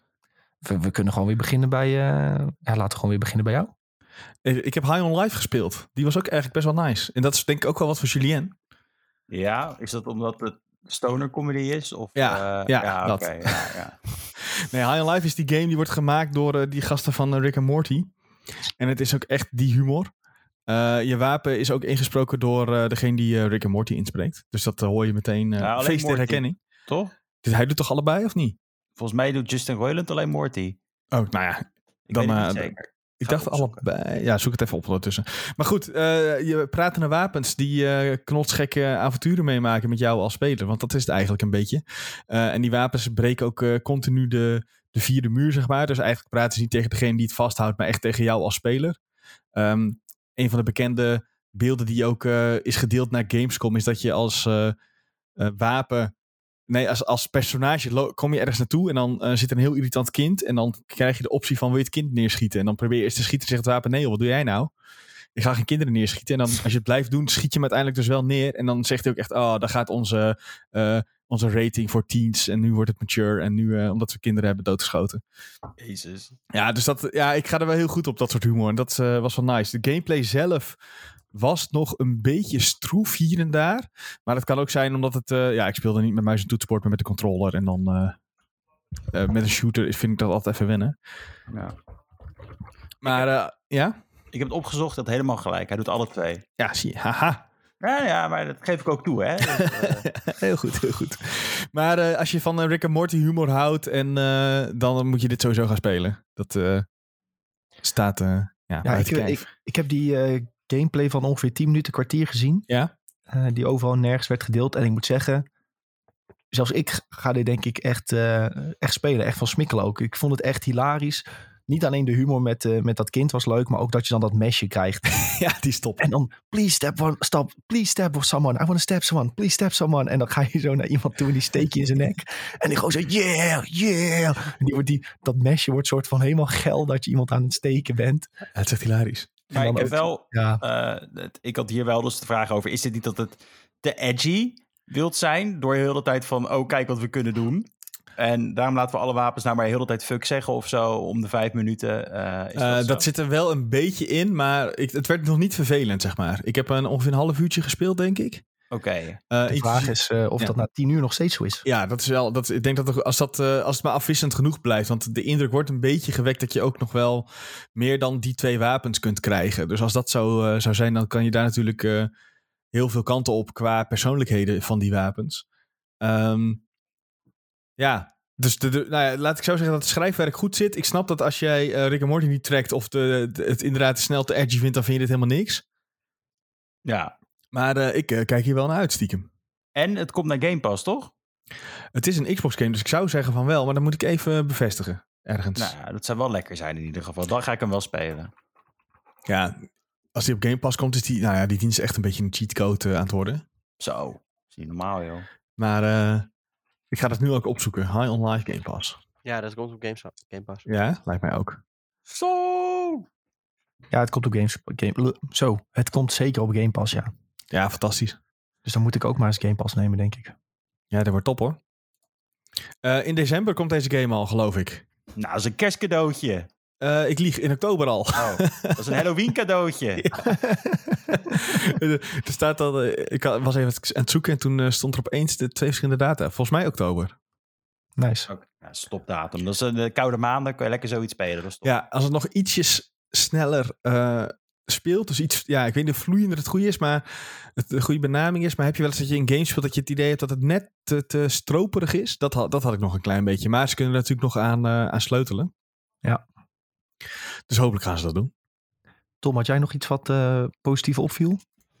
Ehm ja, niet echt eigenlijk. Zo. Nee, dat maakt niet uit. Dan, eh, nou ja, wel, maar dat, eh, daar mag ik nog niet over praten. Dus dat is. oké. Nee, ja, sommige dingen zitten nog embargo op. Ja, als Ja. ik iets dan nog zou moeten noemen, misschien Alone in the Dark. Dat vond ik op zich nog wel ja, redelijk oké. Alleen ik heb daar niet echt per se een, eh, ja, een soort volgeschiedenis mee. En het is wel echt, ja, het is echt horror van de oude stempel. Het is echt een beetje zoals die, ja, die alleroudste Resident Evil games. Gewoon Ja. een he- hele kleine beknopte setting. Een spookhuisverhaal. eh, wat wel cool is, het speelt zich af in Louisiana. Dus echt een beetje ja, een setting die je niet per se heel vaak in andere, andere horror games eh, ziet. En je- ik- ja, het was alleen hands-off voor mij, dus eh, Ah. ik kan er niet echt een heel groot oordeel over vellen. Maar het zag er cool uit in ieder geval. Oké. Ja, we kunnen daar nog wel een lijstje duizend in een dozijn doen, heel snel. Maar eh, ik wilde nog even benoemen eh, Minecraft Legends. En eh, ik zei nog tegen Sven, eigenlijk had jij naar deze afspraak moeten gaan, want het is echt een Sven game, denk ik. ja, jij kwam naar buiten en je zegt, dit, dit ga je fantastisch vinden. Ja, want ja, mensen hebben het misschien wel voorbij zien komen. Minecraft Legends, trailer afgelopen, of wat is het, twee maanden geleden of zo kwam een keer een trailer van uit. En ik kom nu hands-off, de ontwikkelaar zat voor onze neus te spelen, zeg maar. En wat Minecraft Legends eigenlijk is, ik vond het echt super slim gedaan. Ehm, als jij, ja, nou, je noemt net bijvoorbeeld eh, Command Conquer games. In principe ben jij de generaal die het leger aanstuurt. En in de meeste RTS games is dat van bovenaf. Eh, denk aan StarCraft, denk aan Command Conquer. Je kijkt echt van bovenaf. Je bent zo je legertje aan het besturen. En in Minecraft Legends heb je een soort open wereld als een MMO. Waar je vrij in rondloopt met jouw Minecraft-personage op een eh, klein paardje met je zwaardje en je schild. Als een soort generaal van het leger. En eh, je kunt gewoon bijvoorbeeld eh, dingen tegenkomen. Je komt het dorpje tegen met, ehm, ja, die, met die mensen. Ik weet even hun naam niet meer precies, maar dat heeft een speciale naam. Gewoon villagers? Ja, villagers denk ik, ja. En eh, die worden aangevallen door, eh, door varkens, door de, de gemene varkens. Nou, jij roept eh, met jouw optie, eh, zet je wat gebouwtjes neer om, eh, om units te bouwen. Je bouwt er een stuk of vijf, zes, je kilt die varkens en eh, de villagers zijn blij dat je ze hebt geholpen. En zij zijn nou jouw eh, allies in principe. Of in ieder geval, ze zijn vriendelijk tegen jou. Dus het is niet dat je per se een quest krijgt, maar als jij dingen doet in de wereld, zal daarop gereageerd worden. Zo moet je het een beetje zien. Ehm, dus waarbij je normaliter van bovenaf iets ziet en een generaal bent, ben je nu gewoon een generaal in de open wereld die in 3D rondloopt. En zo kom jij iets tegen. En je zal dan tactisch moeten gaan kijken van hoe je op een RTS-manier dat aan moet pakken. Jouw poppetje kan met een schild en een zwaard ook aanvallen, maar dat doet niet heel veel damage. Je moet het echt vooral hebben van je units die erbij zijn. Ehm, en uiteindelijk liep de ontwikkelaar dus door naar een eh, gebied verder, waar je echt een portaal had waar de varkens zeg maar uitkomen. En dat zijn zeg maar de grote, grote gevechten die je aan zult gaan. Ook de grote story momenten zult ervaren, grote bazen tegen zult komen. En hij zei dus van oké, dan moeten we eerst even goed gaan scannen. Dus ging hij naar een berg dichtbij, eh, waar hij op kon klimmen. Uh, ging hij al kijken van oké, we kunnen niet via links, want daar hebben zij van die rookdingen. En die rook, daar ga je heel snel dood van. Dus we moeten naar de achterkant. Nou, liep hij naar de achterkant, zegt hij oké, ik zie dat ze torens hebben. Ik zie dat ze dit hebben. Ik zie dat ze dit hebben. Oké, dan kunnen we het beste deze poppetjes maken. Nou, net als met een gewone RTS heb je onderin je gebouwtjes, je units die je kunt neerzetten. Dus op die berg zet hij eerst een gebouwtje neer voor Resurrection. Zegt, stel we gaan dood, dan komen we hier weer uit. Dat is natuurlijk handig. Nou, hij maakt zijn unitbouwers en hij zegt van, we gaan nu. Hij bouwt een paar ladders naar beneden, rent op dat fort af. En hij zit ook echt zijn units te selecteren van units. Valt deze toren aan. Units, valt dit aan. Dus wat je ook doet in een RTS, doe je nu in een 3D-ruimte. En je kunt als generaal ook nog een beetje meeslaan met je units. Nou, ik, weet, uh, ik moest een beetje denken aan de Lord of the Rings scène op het einde, waar uh, Aragorn uh, iedereen oproept om in te chargen en uiteindelijk dat ze erop afrennen. Nou, wat Aragorn dan in... Ja, oké, okay, Aragorn verslaat uiteindelijk ook een grote troll en zo. maar wat hij in principe ook doet, is gewoon de kleine orks neer, neerhalen. En dat doe jij nu ook als generaal. Je helpt gewoon mee met de rest van het leger, terwijl je ook de rest aan het uh, commanderen bent. En hebben we ooit een RTS gespeeld in een 3D open wereld? Ik kan het me niet heugen. Ik probeer nu ook te heel hard te denken, maar ik denk het niet. Nee, en ik zou ook tegen die ontwikkelaar, ik zeg ja, dat niemand dit nog nooit eerder zo heeft verzonnen. Ik vind het echt super slim. Je hebt ook een soort beetje exploration en ontdekking. Um, ja, er kwam ook, ze deden ook een klein voorproefje, lieten zien van de cinematic van dat er dan zo'n heel groot varken uit die portaal zou komen dan. Ze liet het gevecht niet zien helaas. Maar ik dacht van ja, dit heeft uh, super veel potentie. En ik weet dus niet of dit heel interessant is voor de Minecraft kinderen. Nou ja, ik vraag me dat dan dus ook meteen af, zeg maar. Omdat het het stempeltje Minecraft heeft, vraag ik me af hoe moeilijk het dan gaat worden. Want Minecraft richt zich natuurlijk op, uh, op, op kids eigenlijk. Ja. En ja, dit, moet, dit zou een beetje diezelfde doelgroep moeten zijn, zou ik denken. Ja, het was, ik moet zeggen, ik denk qua uitdaging zal het niet super moeilijk zijn. Ik bedoel, als jij dus, uh, hè, wat, wat, ze nu lieten zien, dat zal ook wel in de tutorial zitten van de game. Ja. Um, maar ja, ik denk dat het uh, vrij logisch is dat je boogmensjes nodig hebt om van afstand aan te vallen. en uh, ja, kijk, weet je, dat spreekt allemaal wel redelijk voor zichzelf. Maar ik vond het, uh, ja, ze proberen denk ik ook wel een nieuwe doelgroep hiermee aan te spreken. En ik vond het echt een super creatief en indrukwekkend idee wat dat betreft. Dus positief verrast door Minecraft Legends, echt. Nice. Even nog een vraag voor mij. Ziet het er dan ook echt uit als een Minecraft wereld? Dus alles in blokken of... Alles heeft de Minecraft blokjes, ja. maar Um, ze hebben er wel voor gekozen om de kleuren wat anders te doen. Want ze zeiden van, we, zijn een fantasy wereld aan het Hmm. maken. Een fantasy game.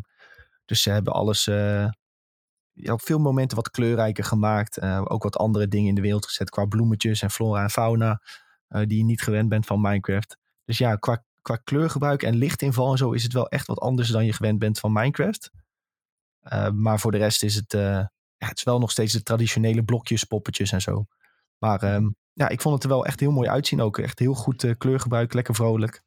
Dus ja, zeker eh, onder de indruk. En het komt ook gewoon naar Gamepass natuurlijk weer, hè? Eigenlijk, als je het zo opnoemt, heeft Xbox eigenlijk een hele sterke Gamescom gehad. Want al- we Ja. noemen alle, alle drie noemen we games die Xbox heeft meegenomen. Als toch wel, eh, die behoren tot onze favorieten. Ja, ja zeker. Ja, Minecraft Legends was niet mijn favoriet, maar grote opvaller, zeg maar. Ja, precies. Maar Oh, dan Killer toch. Cloud zou ook naar Xbox komen. Maar goed, ja, nee, ik vond het echt eh, heel creatief verzonnen gewoon deze game. En de creativiteit, dat eh, missen we soms een beetje. Dus ik eh, was positief verrast. Nice. Nou, Minecraft game, kan je nagaan. Ja. ja, ik vond die Minecraft Dungeons vond ik op zich ook wel eh, nice. eh. Ja, echt. Ik vond Oh. het echt een soort van Diablo voor kinderen. Ja, dat was Ja. het ook. Ja, Ja, dat was het ook. Maar ja, Diablo is leuk, dus eh, makkelijk, het is makkelijk verkopen. Ik heb er prima vermaakt hoor, met die eh, Dungeons game ook. Ja. ik vond het echt tergend eh, makkelijk, om het zo te zeggen. Maar dan heb je, ja, nou, ik heb hem nog best wel veel gespeeld, ook eh, op die moeilijkste moeilijkheidsgraad. Want hè, meer loot is meer beter. Ja. Eh, en dan is het nog af en toe wel eh, dat je me weg moet duiken. Maar volgens mij is Diablo nu op makkelijk, of op normal zeg maar ook niet moeilijk hoor. Oké, oké. Dat wist ik dus nooit. Ja, ik speel hem altijd op medium volgens mij, Diablo. Ehm, ik zit even te gluren, jochies. Ehm, ja, zullen we, het, zullen we het even het, eh, het lijstje rammen wat, eh, wat, wat er ook nog was? We beginnen bij Tom, want die had net een beetje half overslagen. Dus wat heb je nog Eh, meer gecheckt? Wat, wat vind je nog de moeite om te benoemen? Evil? West heb ik nog gespeeld. Dat vond ik op zich best wel cool. Het was gewoon een prima B-game. Het was, ja, je merkte wel echt aan alles dat het gewoon een B-game was. Wat me bijvoorbeeld al snel irriteerde was dat je en niet kon springen en niet kon bukken. Nou ja, dat eh, vond ik wel redelijk beperkend.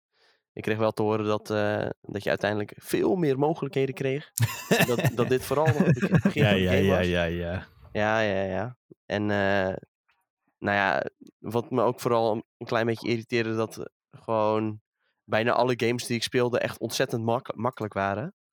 En nou ja, ja, sowieso, de meeste games pak ik wel snel op. Dus ik snap wel dat er ook wel mensen zijn die misschien niet zo vaardig waren. Maar ja, geef dan misschien eh, toch een soort van optie van als je zo ver komt of zo, eh, dan eh, wordt het nog een klein beetje een uitdaging. Ja, dit viel mij ook op. Precies Want- wat je zegt. Alsof alles op gold mode stond voor je. Behalve Ja. dan bij mij in Dead Island 2 dan niet.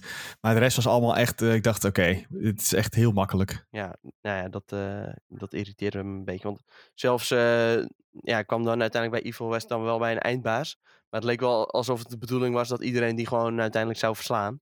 Terwijl het best wel echt wel een toffe eindbaas was. En eh, alleen, ja, de uitdaging was een beetje ver te zoeken. En uiteindelijk, ja, ik vond het wel gewoon leuk om te spelen. Het, eh, het speelde wel heerlijk en de, de schietactie was wel, eh, ja, satisfying. Maar, ja, er voelde er niet echt alsof er nog meer achter zat of zo. Dat, dat idee kreeg ik een beetje.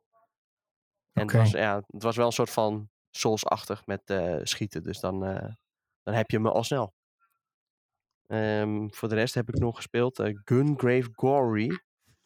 Ja, dit was een hele bizarre game. Echt eh, super Japans. Ehm, Was dat wel leuk? ja, leuk.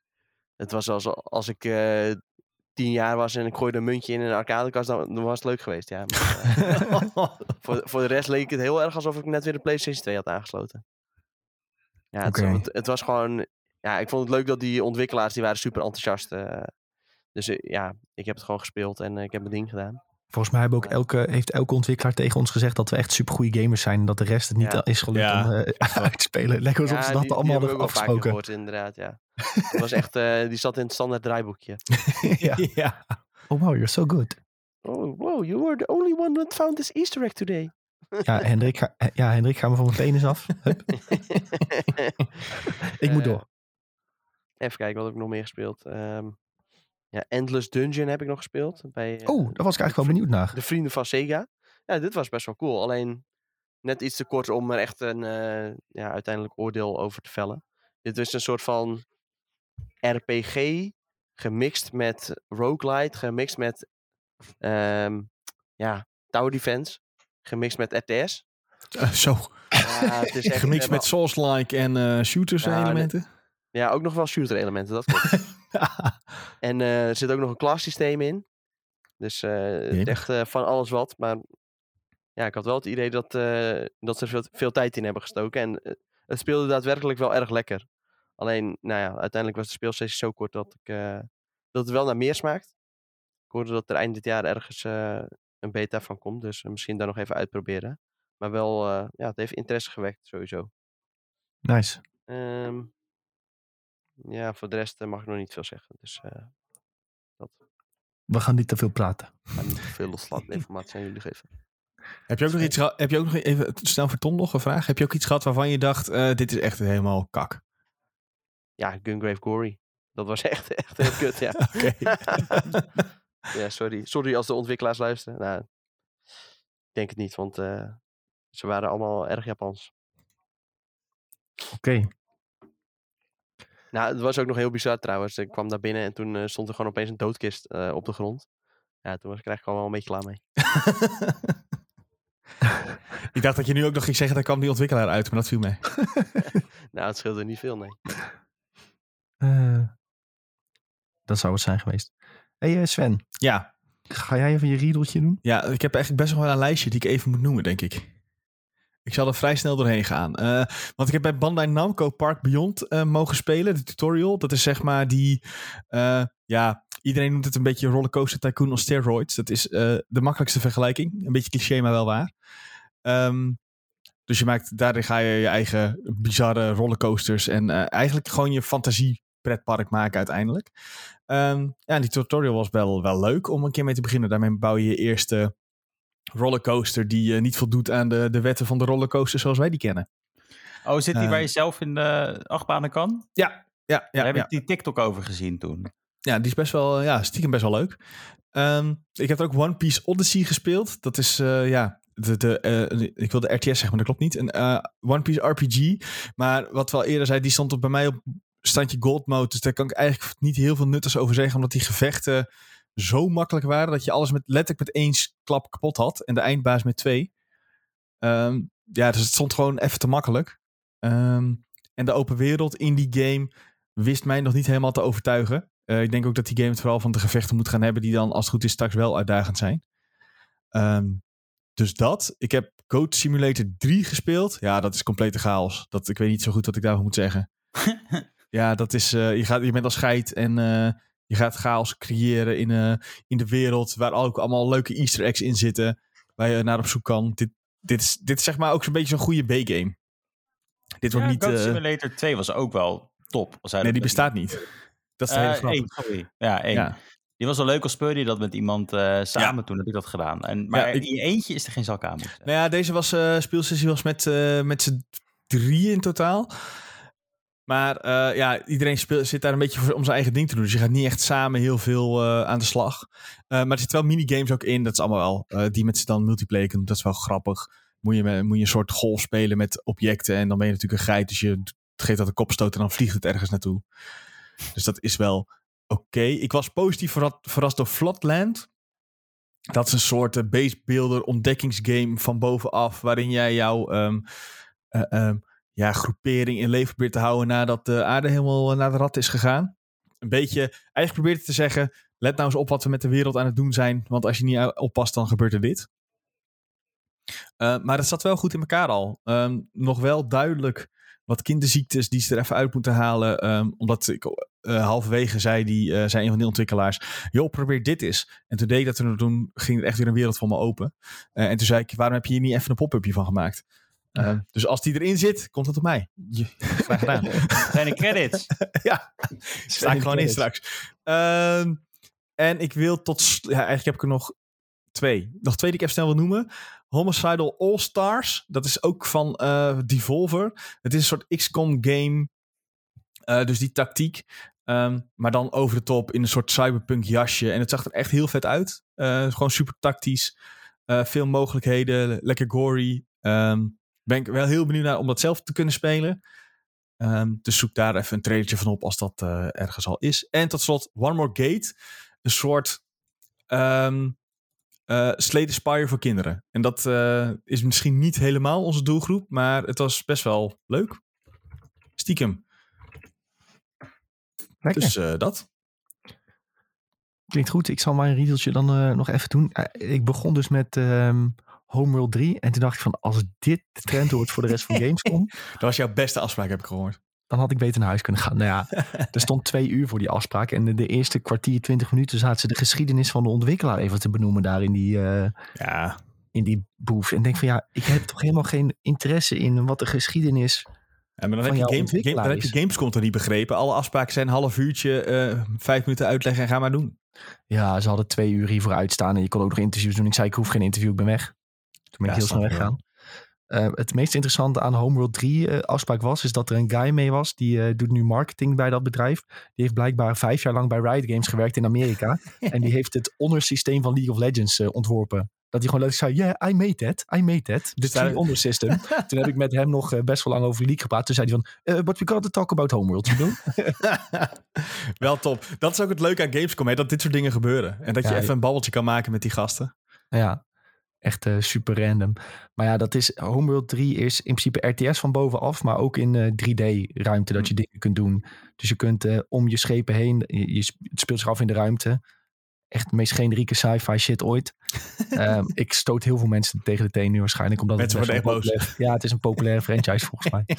Maar eh, ja, dan heb je bijvoorbeeld een, een soort, eh, denk eh, enorm ruimteschip met nog gaten erin. En dan kun je jouw scheepjes door dat gat sturen om van achteraan te vallen. Dat is een beetje bijvoorbeeld Hmm. het idee wat je kunt doen. eh. Maar ja, goed, ik vond het, eh, het is niet helemaal mijn ding, eh, meer RTS. En dit was ook, het was ook zo traag. Je schepen vlogen zo traag. Zat er ging niet je een, aanvallen en dat duurde zo lang voordat er iets dood was. zat er niet een keer twee of keer zes snelheid in? Nee, volgens mij niet eens. Oei. Maar het was ook gewoon de bedoeling dat je hier volgens mij een beetje zat te chillen. Rustig het verhaal volgde. Dat zich ontvouwde voor je.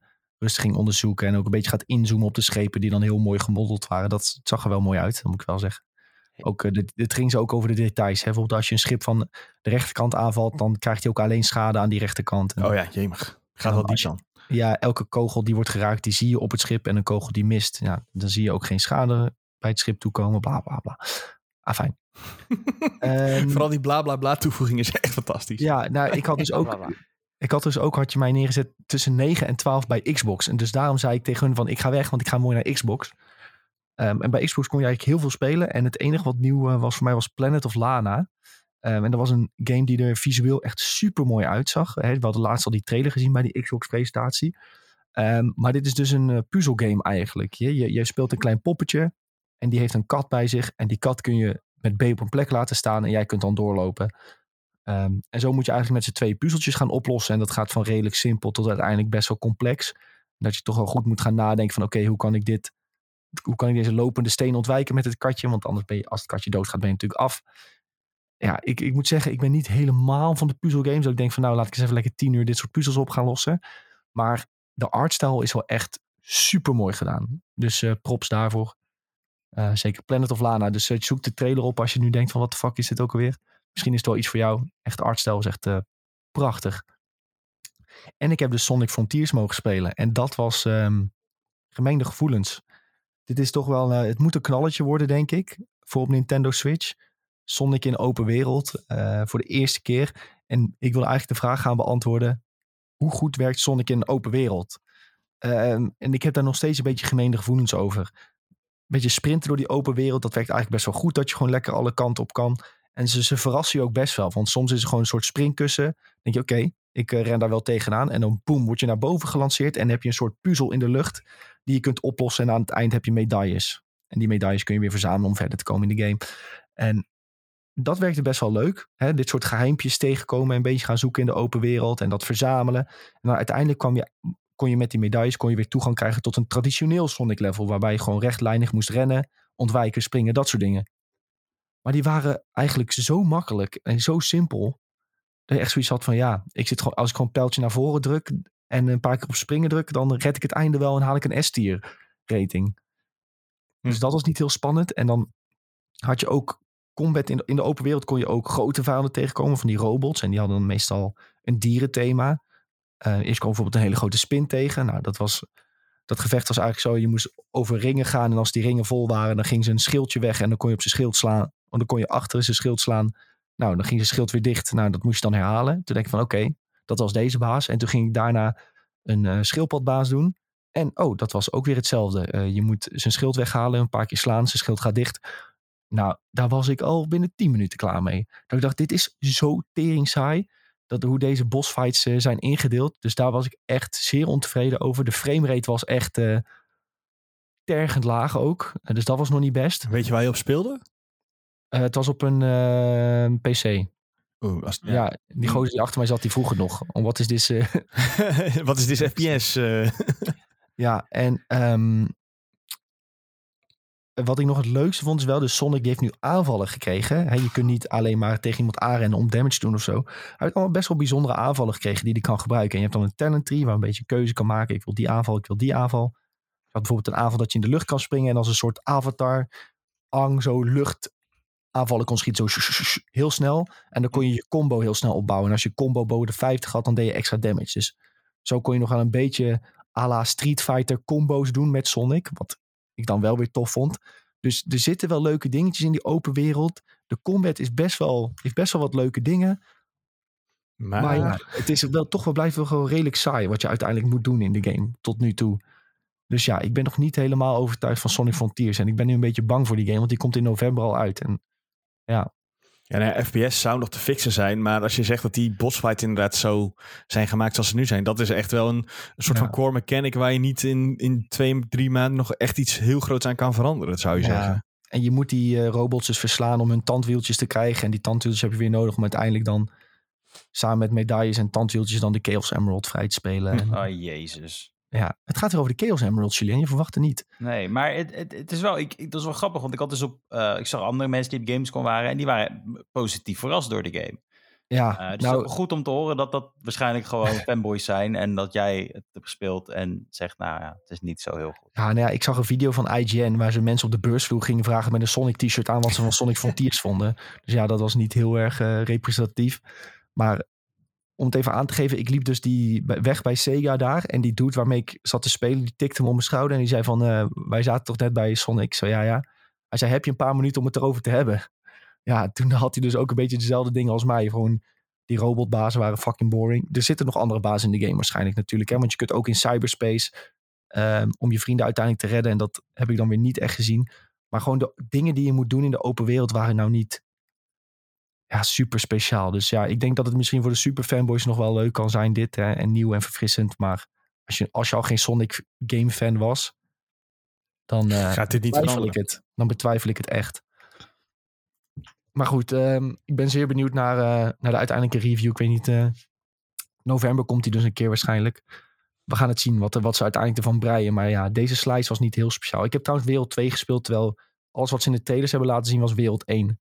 Oké. Ehm, dus het was wel weer een, eh, een iets andere zon. Dit was meer woestijnachtig. Ja, misschien zijn dan die bos, bosses ook voor wereld 2, zeg maar, specifiek. Bijvoorbeeld. Ja, volgens mij hadden ze wel in elke zone die robots. Maar gewoon vooral hoe de bossfight zich uitspeelde. Snap je? Schildje Mhm. weghalen, schildje Ja, ja. slaan. Het was een soort van minigame heel de tijd. Ja, beetje vermoeiend. Ik heb, dit, dit is wel op zich wel een grappige game. Clash heb ik eh, gespeeld. En die, en die ontwikkelaar, die was echt de grootste Dark Souls fanboy.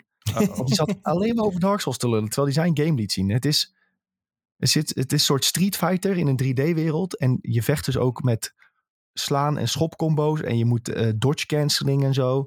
En, en dit was wat ik net ook zei toen Tom het uitlegde. Dat deze gast ook enorm zat te slijmen. Dat ik, hoe goed ik wel niet was in die game. ik was ook eh, tien minuten te vroeg klaar met, eh, met, eh, met de gameplay sessie, zeg maar. Dat hij zei van, oh eh, ja, misschien kunnen we nog eh, dit even... Ja, eh, hij wist eigenlijk niet wat we moesten gaan doen omdat hij zei, ja, als ik tegen iemand uitlegde wat animation canceling was, dan, waren ze, dan drukten ze zeg maar op slaan en dan twee seconden later op dodge. Ja, dan Oh. werkt het natuurlijk niet. En ja, ik zeg, nou, ik heb toevallig best wel veel multiverses gespeeld de afgelopen periode. Dus ja, maar dit was ook, ik vond de artstijl bevalt me niet zo. En voor, wat het vooral heel erg was, is een hele pittige game volgens mij. Dat probeerde hij uit te leggen. Maar heel veel dingen waren van Dark Souls gestolen. Bijvoorbeeld, je had gewoon letterlijk campfires waar je als checkpoints eh, als je doodging, moest je teruglopen naar je lichaam om eh, weer verder te gaan. Ehm, maar ja, het, is, het schijnt een. eh, ik denk ik heb ook, ook wel het gevoel dat het een hele uitdagende game gaat worden. Had mij ook een beetje God mode gegeven uiteindelijk. Toen zei hij ook van ja, misschien had ik je toch iets minder sterk moeten maken. Dan hadden we die 10 minuten vol kunnen, vol kunnen maken.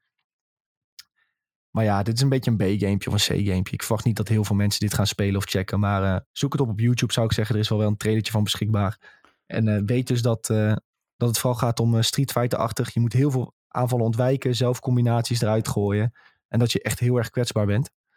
Ehm, en wat het bijzonder is, hij zegt fantasy in de jaren tachtig was ook fantasy als best wel lelijke mormels en wezens. Beetje carbonkelachtig.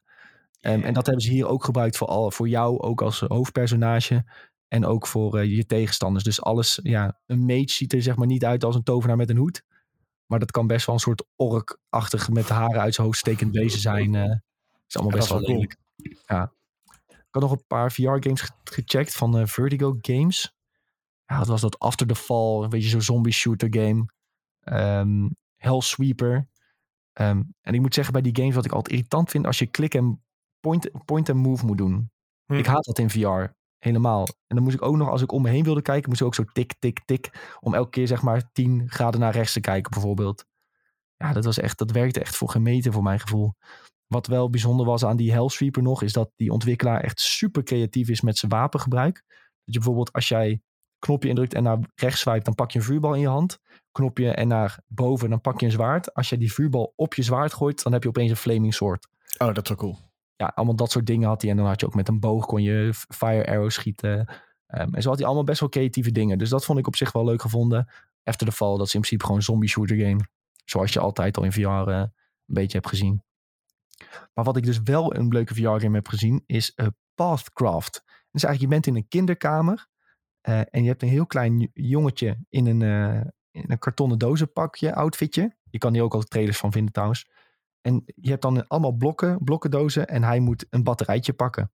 En jij moet in principe die puzzel in 3D gaan oplossen. Dus je zit echt omheen te lopen. Want soms heb je één blokje die je moet gebruiken om hem helemaal de weg te laten lopen. Dus dan ben je heel snel dat blokje aan het verplaatsen zo. En in 3D moet je dan heel snel omdraaien. Ja, vond ik echt best wel een leuke puzzelgame. Voor, uh, voor VR. Dus dat uh, Pathcraft was ik uh, nog positief, positief door verrast nog.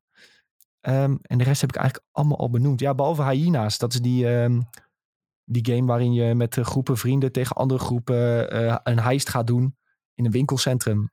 Uh, het grappige daarbij was nog dat ze dus, het is ook uh, samenwerking met Sega, of uitgever Sega, dat, dat de Sega Mega Drive gebruiken om in de kluis in te breken. Bijvoorbeeld. en uiteindelijk ga je dus met, als je, je moet merchandise stelen uit een winkelcentrum, dat doen alle groepen. En uiteindelijk moet je dat proberen weg te sluizen via een, bepaalde, via een bepaald platform. Maar ja, uiteindelijk aan het einde van een ronde komen alle teams bij elkaar op dat platform. Wordt het één grote chaos en je hebt verschillende classes die je weer uh, kunt afstemmen op elkaar. Dus ja, dit is ook weer een, een, een, game die leuk wordt met een groepje vrienden te spelen. Lekker chaos. Um, een beetje goed uitvogelen wat slim is om te doen. Andere teams uh, helemaal de grond inschieten. Dus uh, ja, op zich wel prima hyena's, maar dit wordt niet de knaller van het jaar of zo. Maar ik denk als je met een groepje vrienden gaat spelen, dan, dan moet je je wel vermaken. Dat was in vogelvlucht al mijn Gamescom. Zo de, dan lijkt het heel snel te gaan, hè? Maar... Toch weer even twee dagen besproken. Ja, echt super snel. Hey, maar, maar over het algemeen, jongens, wat vonden we van deze Gamescom-editie? Ik vond het vooral prettig om er weer te zijn. Uh, moet ik wel bij zeggen dat ik de, de eerste consumerdag, zeg maar, heb ik mij niet, uh, ben ik niet in het consumer gedeelte geweest. Ik weet niet of jullie dat wel hebben gedaan, ja, maar ik dacht, ik ja. Ik ben, ik ben allebei de dagen geweest. Ja, heb je daar spijt van? Ja, dat mag Tom invullen. Ja, vooral de tweede dag wel, ja. Oh. denk ik een half uurtje en uh, ja? ja, het was een beetje alsof je in een uh, middelbare school, uh, ja, gymzaal ik zal, ik zal het zo zeggen, wij liepen die merchandise ruimte in, omdat dat de kortste route leek en het stonk daar een Oh nee. Ja, en ja. dit is dus waarom ik niet naar Gamescom ga. Vind ja, maar dat is ja, nee, dat is een onzin reden is onze reden. Onze reden. Nee, ik vind je hoeft daar helemaal niet te komen. Nee, ik ben daar helemaal niet geweest. Je komt er toch uiteindelijk. Nee hoor. Nee, dat is helemaal nee, niet waar. We waren, wij waren daar gewoon vrijwillig. Jullie gingen gewoon dachten, de rol in stinkruimte of er nog wat uh, cosplayers Wij dachten, we lopen even een rondje daar. Uh, en alleen, ja, we hadden een, een, route gekozen door de merchandise hall. Oh, dat was nog wel grappig hè. Ze verkochten daar van die bodypillows. Die anime, anime bodypillows. Maar dus ook met naakte vrouwen erop. Heb je er eentje van meegenomen of niet? Nee. Nee, ze waren echt heel dus, duur hadden ze stickertjes geplakt over de, over de naakte lichaamsdelen, ja. zeg maar. Ja, en daar stond gewoon een ziekerij voor ook nog. Dat is echt tragisch. Ja, en ook voor uh, de Genshin Impact uh, merchandise store stond ook iets van uh, een rij van twee uur of zo. Ja, terwijl, terwijl de dag ervoor, toen was er nog geen alg algemeen publiek. En toen stond er gewoon helemaal niemand. Nee. Ook bij Genshin Impact op de beursvloer, daar ben ik ook nog geweest. Daar stond ook een rij. Ik denk, die game kun je gewoon thuis spelen. Ja. Wat ga je doen? ja, schapen. Die lopen allemaal ja. achter elkaar aan. Ja, maar ik was wel blij dat het weer was. Games ja, dat sowieso. Het was echt top. Ja, we hebben niet de live uh, games gezien, maar wel leuke games. Nee, het waren niet de allerbeste games, maar ik heb wel genoten van de ambiance. Zeker. Ja, vooral ook even weer praten met ontwikkelaars. Wat we volgens mij vorige ook wel hebben gezegd. Dat je inderdaad even op je schouder wordt getikt van... Uh, joh, uh, je moet nu echt weg. Dat soort dingen. Of gewoon even een babbeltje maakt met... joh, wat, uh, hoe heb je dit bedacht? En waarom spelen we dat zo? Dat je even net een beetje dat extraatje krijgt die je anders niet krijgt met een, als je thuis zou zitten, zeg maar. Want we hebben Gamescom natuurlijk ook wel een soort van digitaal gehad. Dat we de speelsessies vanuit huis deden, dat is echt wel, dat is zo ontzettend anders. Ja, maar ook dat je bijvoorbeeld nu ziet hoe druk het is op de beursvloer. Want ik ben de tweede dag dus ook nog aan een rondje gelopen, helemaal. Ook uh, zonder dat uh, Tom erbij was. Dan zie je al die mensen daar. En dan, bedoel, wij schrijven ook best wel. Je bent thuis een beetje achter je computer aan het schrijven. En je ziet, oké, okay, mensen lezen je artikeltje of zo. Mm -hmm. Maar dat je dan al die mensen daar ziet die allemaal ook geïnteresseerd zijn in games. En dan toch een beetje het community gevoel weer. En dat eh, bevalt mij ook altijd wel goed. Ook als kan het soms een beetje stinken. is het nog Ja, wel eh, leuk. Volgend jaar even Nivea of een Axe als eh, reclame. Dat iedereen zo'n busje krijgt bij de ingang. Maar dat is nog Ja, is niet genoeg hoor. Als jij over, als jij over bezweten lichamen deel gaat Ja, spuiten, dan plak je het er gewoon op. dat is vies. Eh, nou ja, ja, ik heb dus wel, ik heb ook een rondje gedaan gewoon over de beurs zelf, maar inderdaad de persdag. En dan, toen was het echt zo goed te doen. Was echt Ja. top. Ja, ja, ja. Goed jongens, dus eh, positieve vibes. En volgend jaar hebben we weer zin in Gamescom. En eh, hopelijk gaat de E3 volgend jaar ook door. Zo. Jongens, Ik heb meerdere mensen gehoord die erg, erg eh, zelfverzekerd waren dat het door zou gaan. Ja, het zou, het zou cool zijn, toch? We Als gaan het, ervoor. ja. Hebben we nog snel een media Ik heb, ik heb heel gek nieuws, jongens. Nog even Oh, wat dan? door. Er zijn dus mensen op Xbox, die zijn al FIFA 23 aan het spelen. Huh? Ja, de, de pre-download eh, die was van, eh, v- vandaag beschikbaar. Ja? Maar kennelijk eh, waren er mensen die konden hem dus gewoon opstarten. Ja, Voor de, voor de duidelijkheid, deze game komt uit op 30 september en niet op 30 augustus. Heeft iemand een, eh, een cijfertje verkeerd eh, Ja, ik denk het ja. ingevuld of zo? ja 30-8 to- was het toch? Ja, ja, 30-8. Ja, doe maar. Doe maar. Hup. Oh en mijn god. nou ja, voor de duidelijkheid, daardoor eh, ze maken ieder jaar een beetje een heel circus van de ratings van bepaalde spelers. Oh ja. Nu zijn alle ratings en zo zijn bekend. Eh, Cristiano Ronaldo is 90, Messi is 91. Ehm volgens Beste mij Nederlander, even snel. eh, beste Nederlander. Of je die je toevallig hebt ja, gevonden? dat zal wel weer Virgil van Dijk zijn. Maar eh, Oh ja.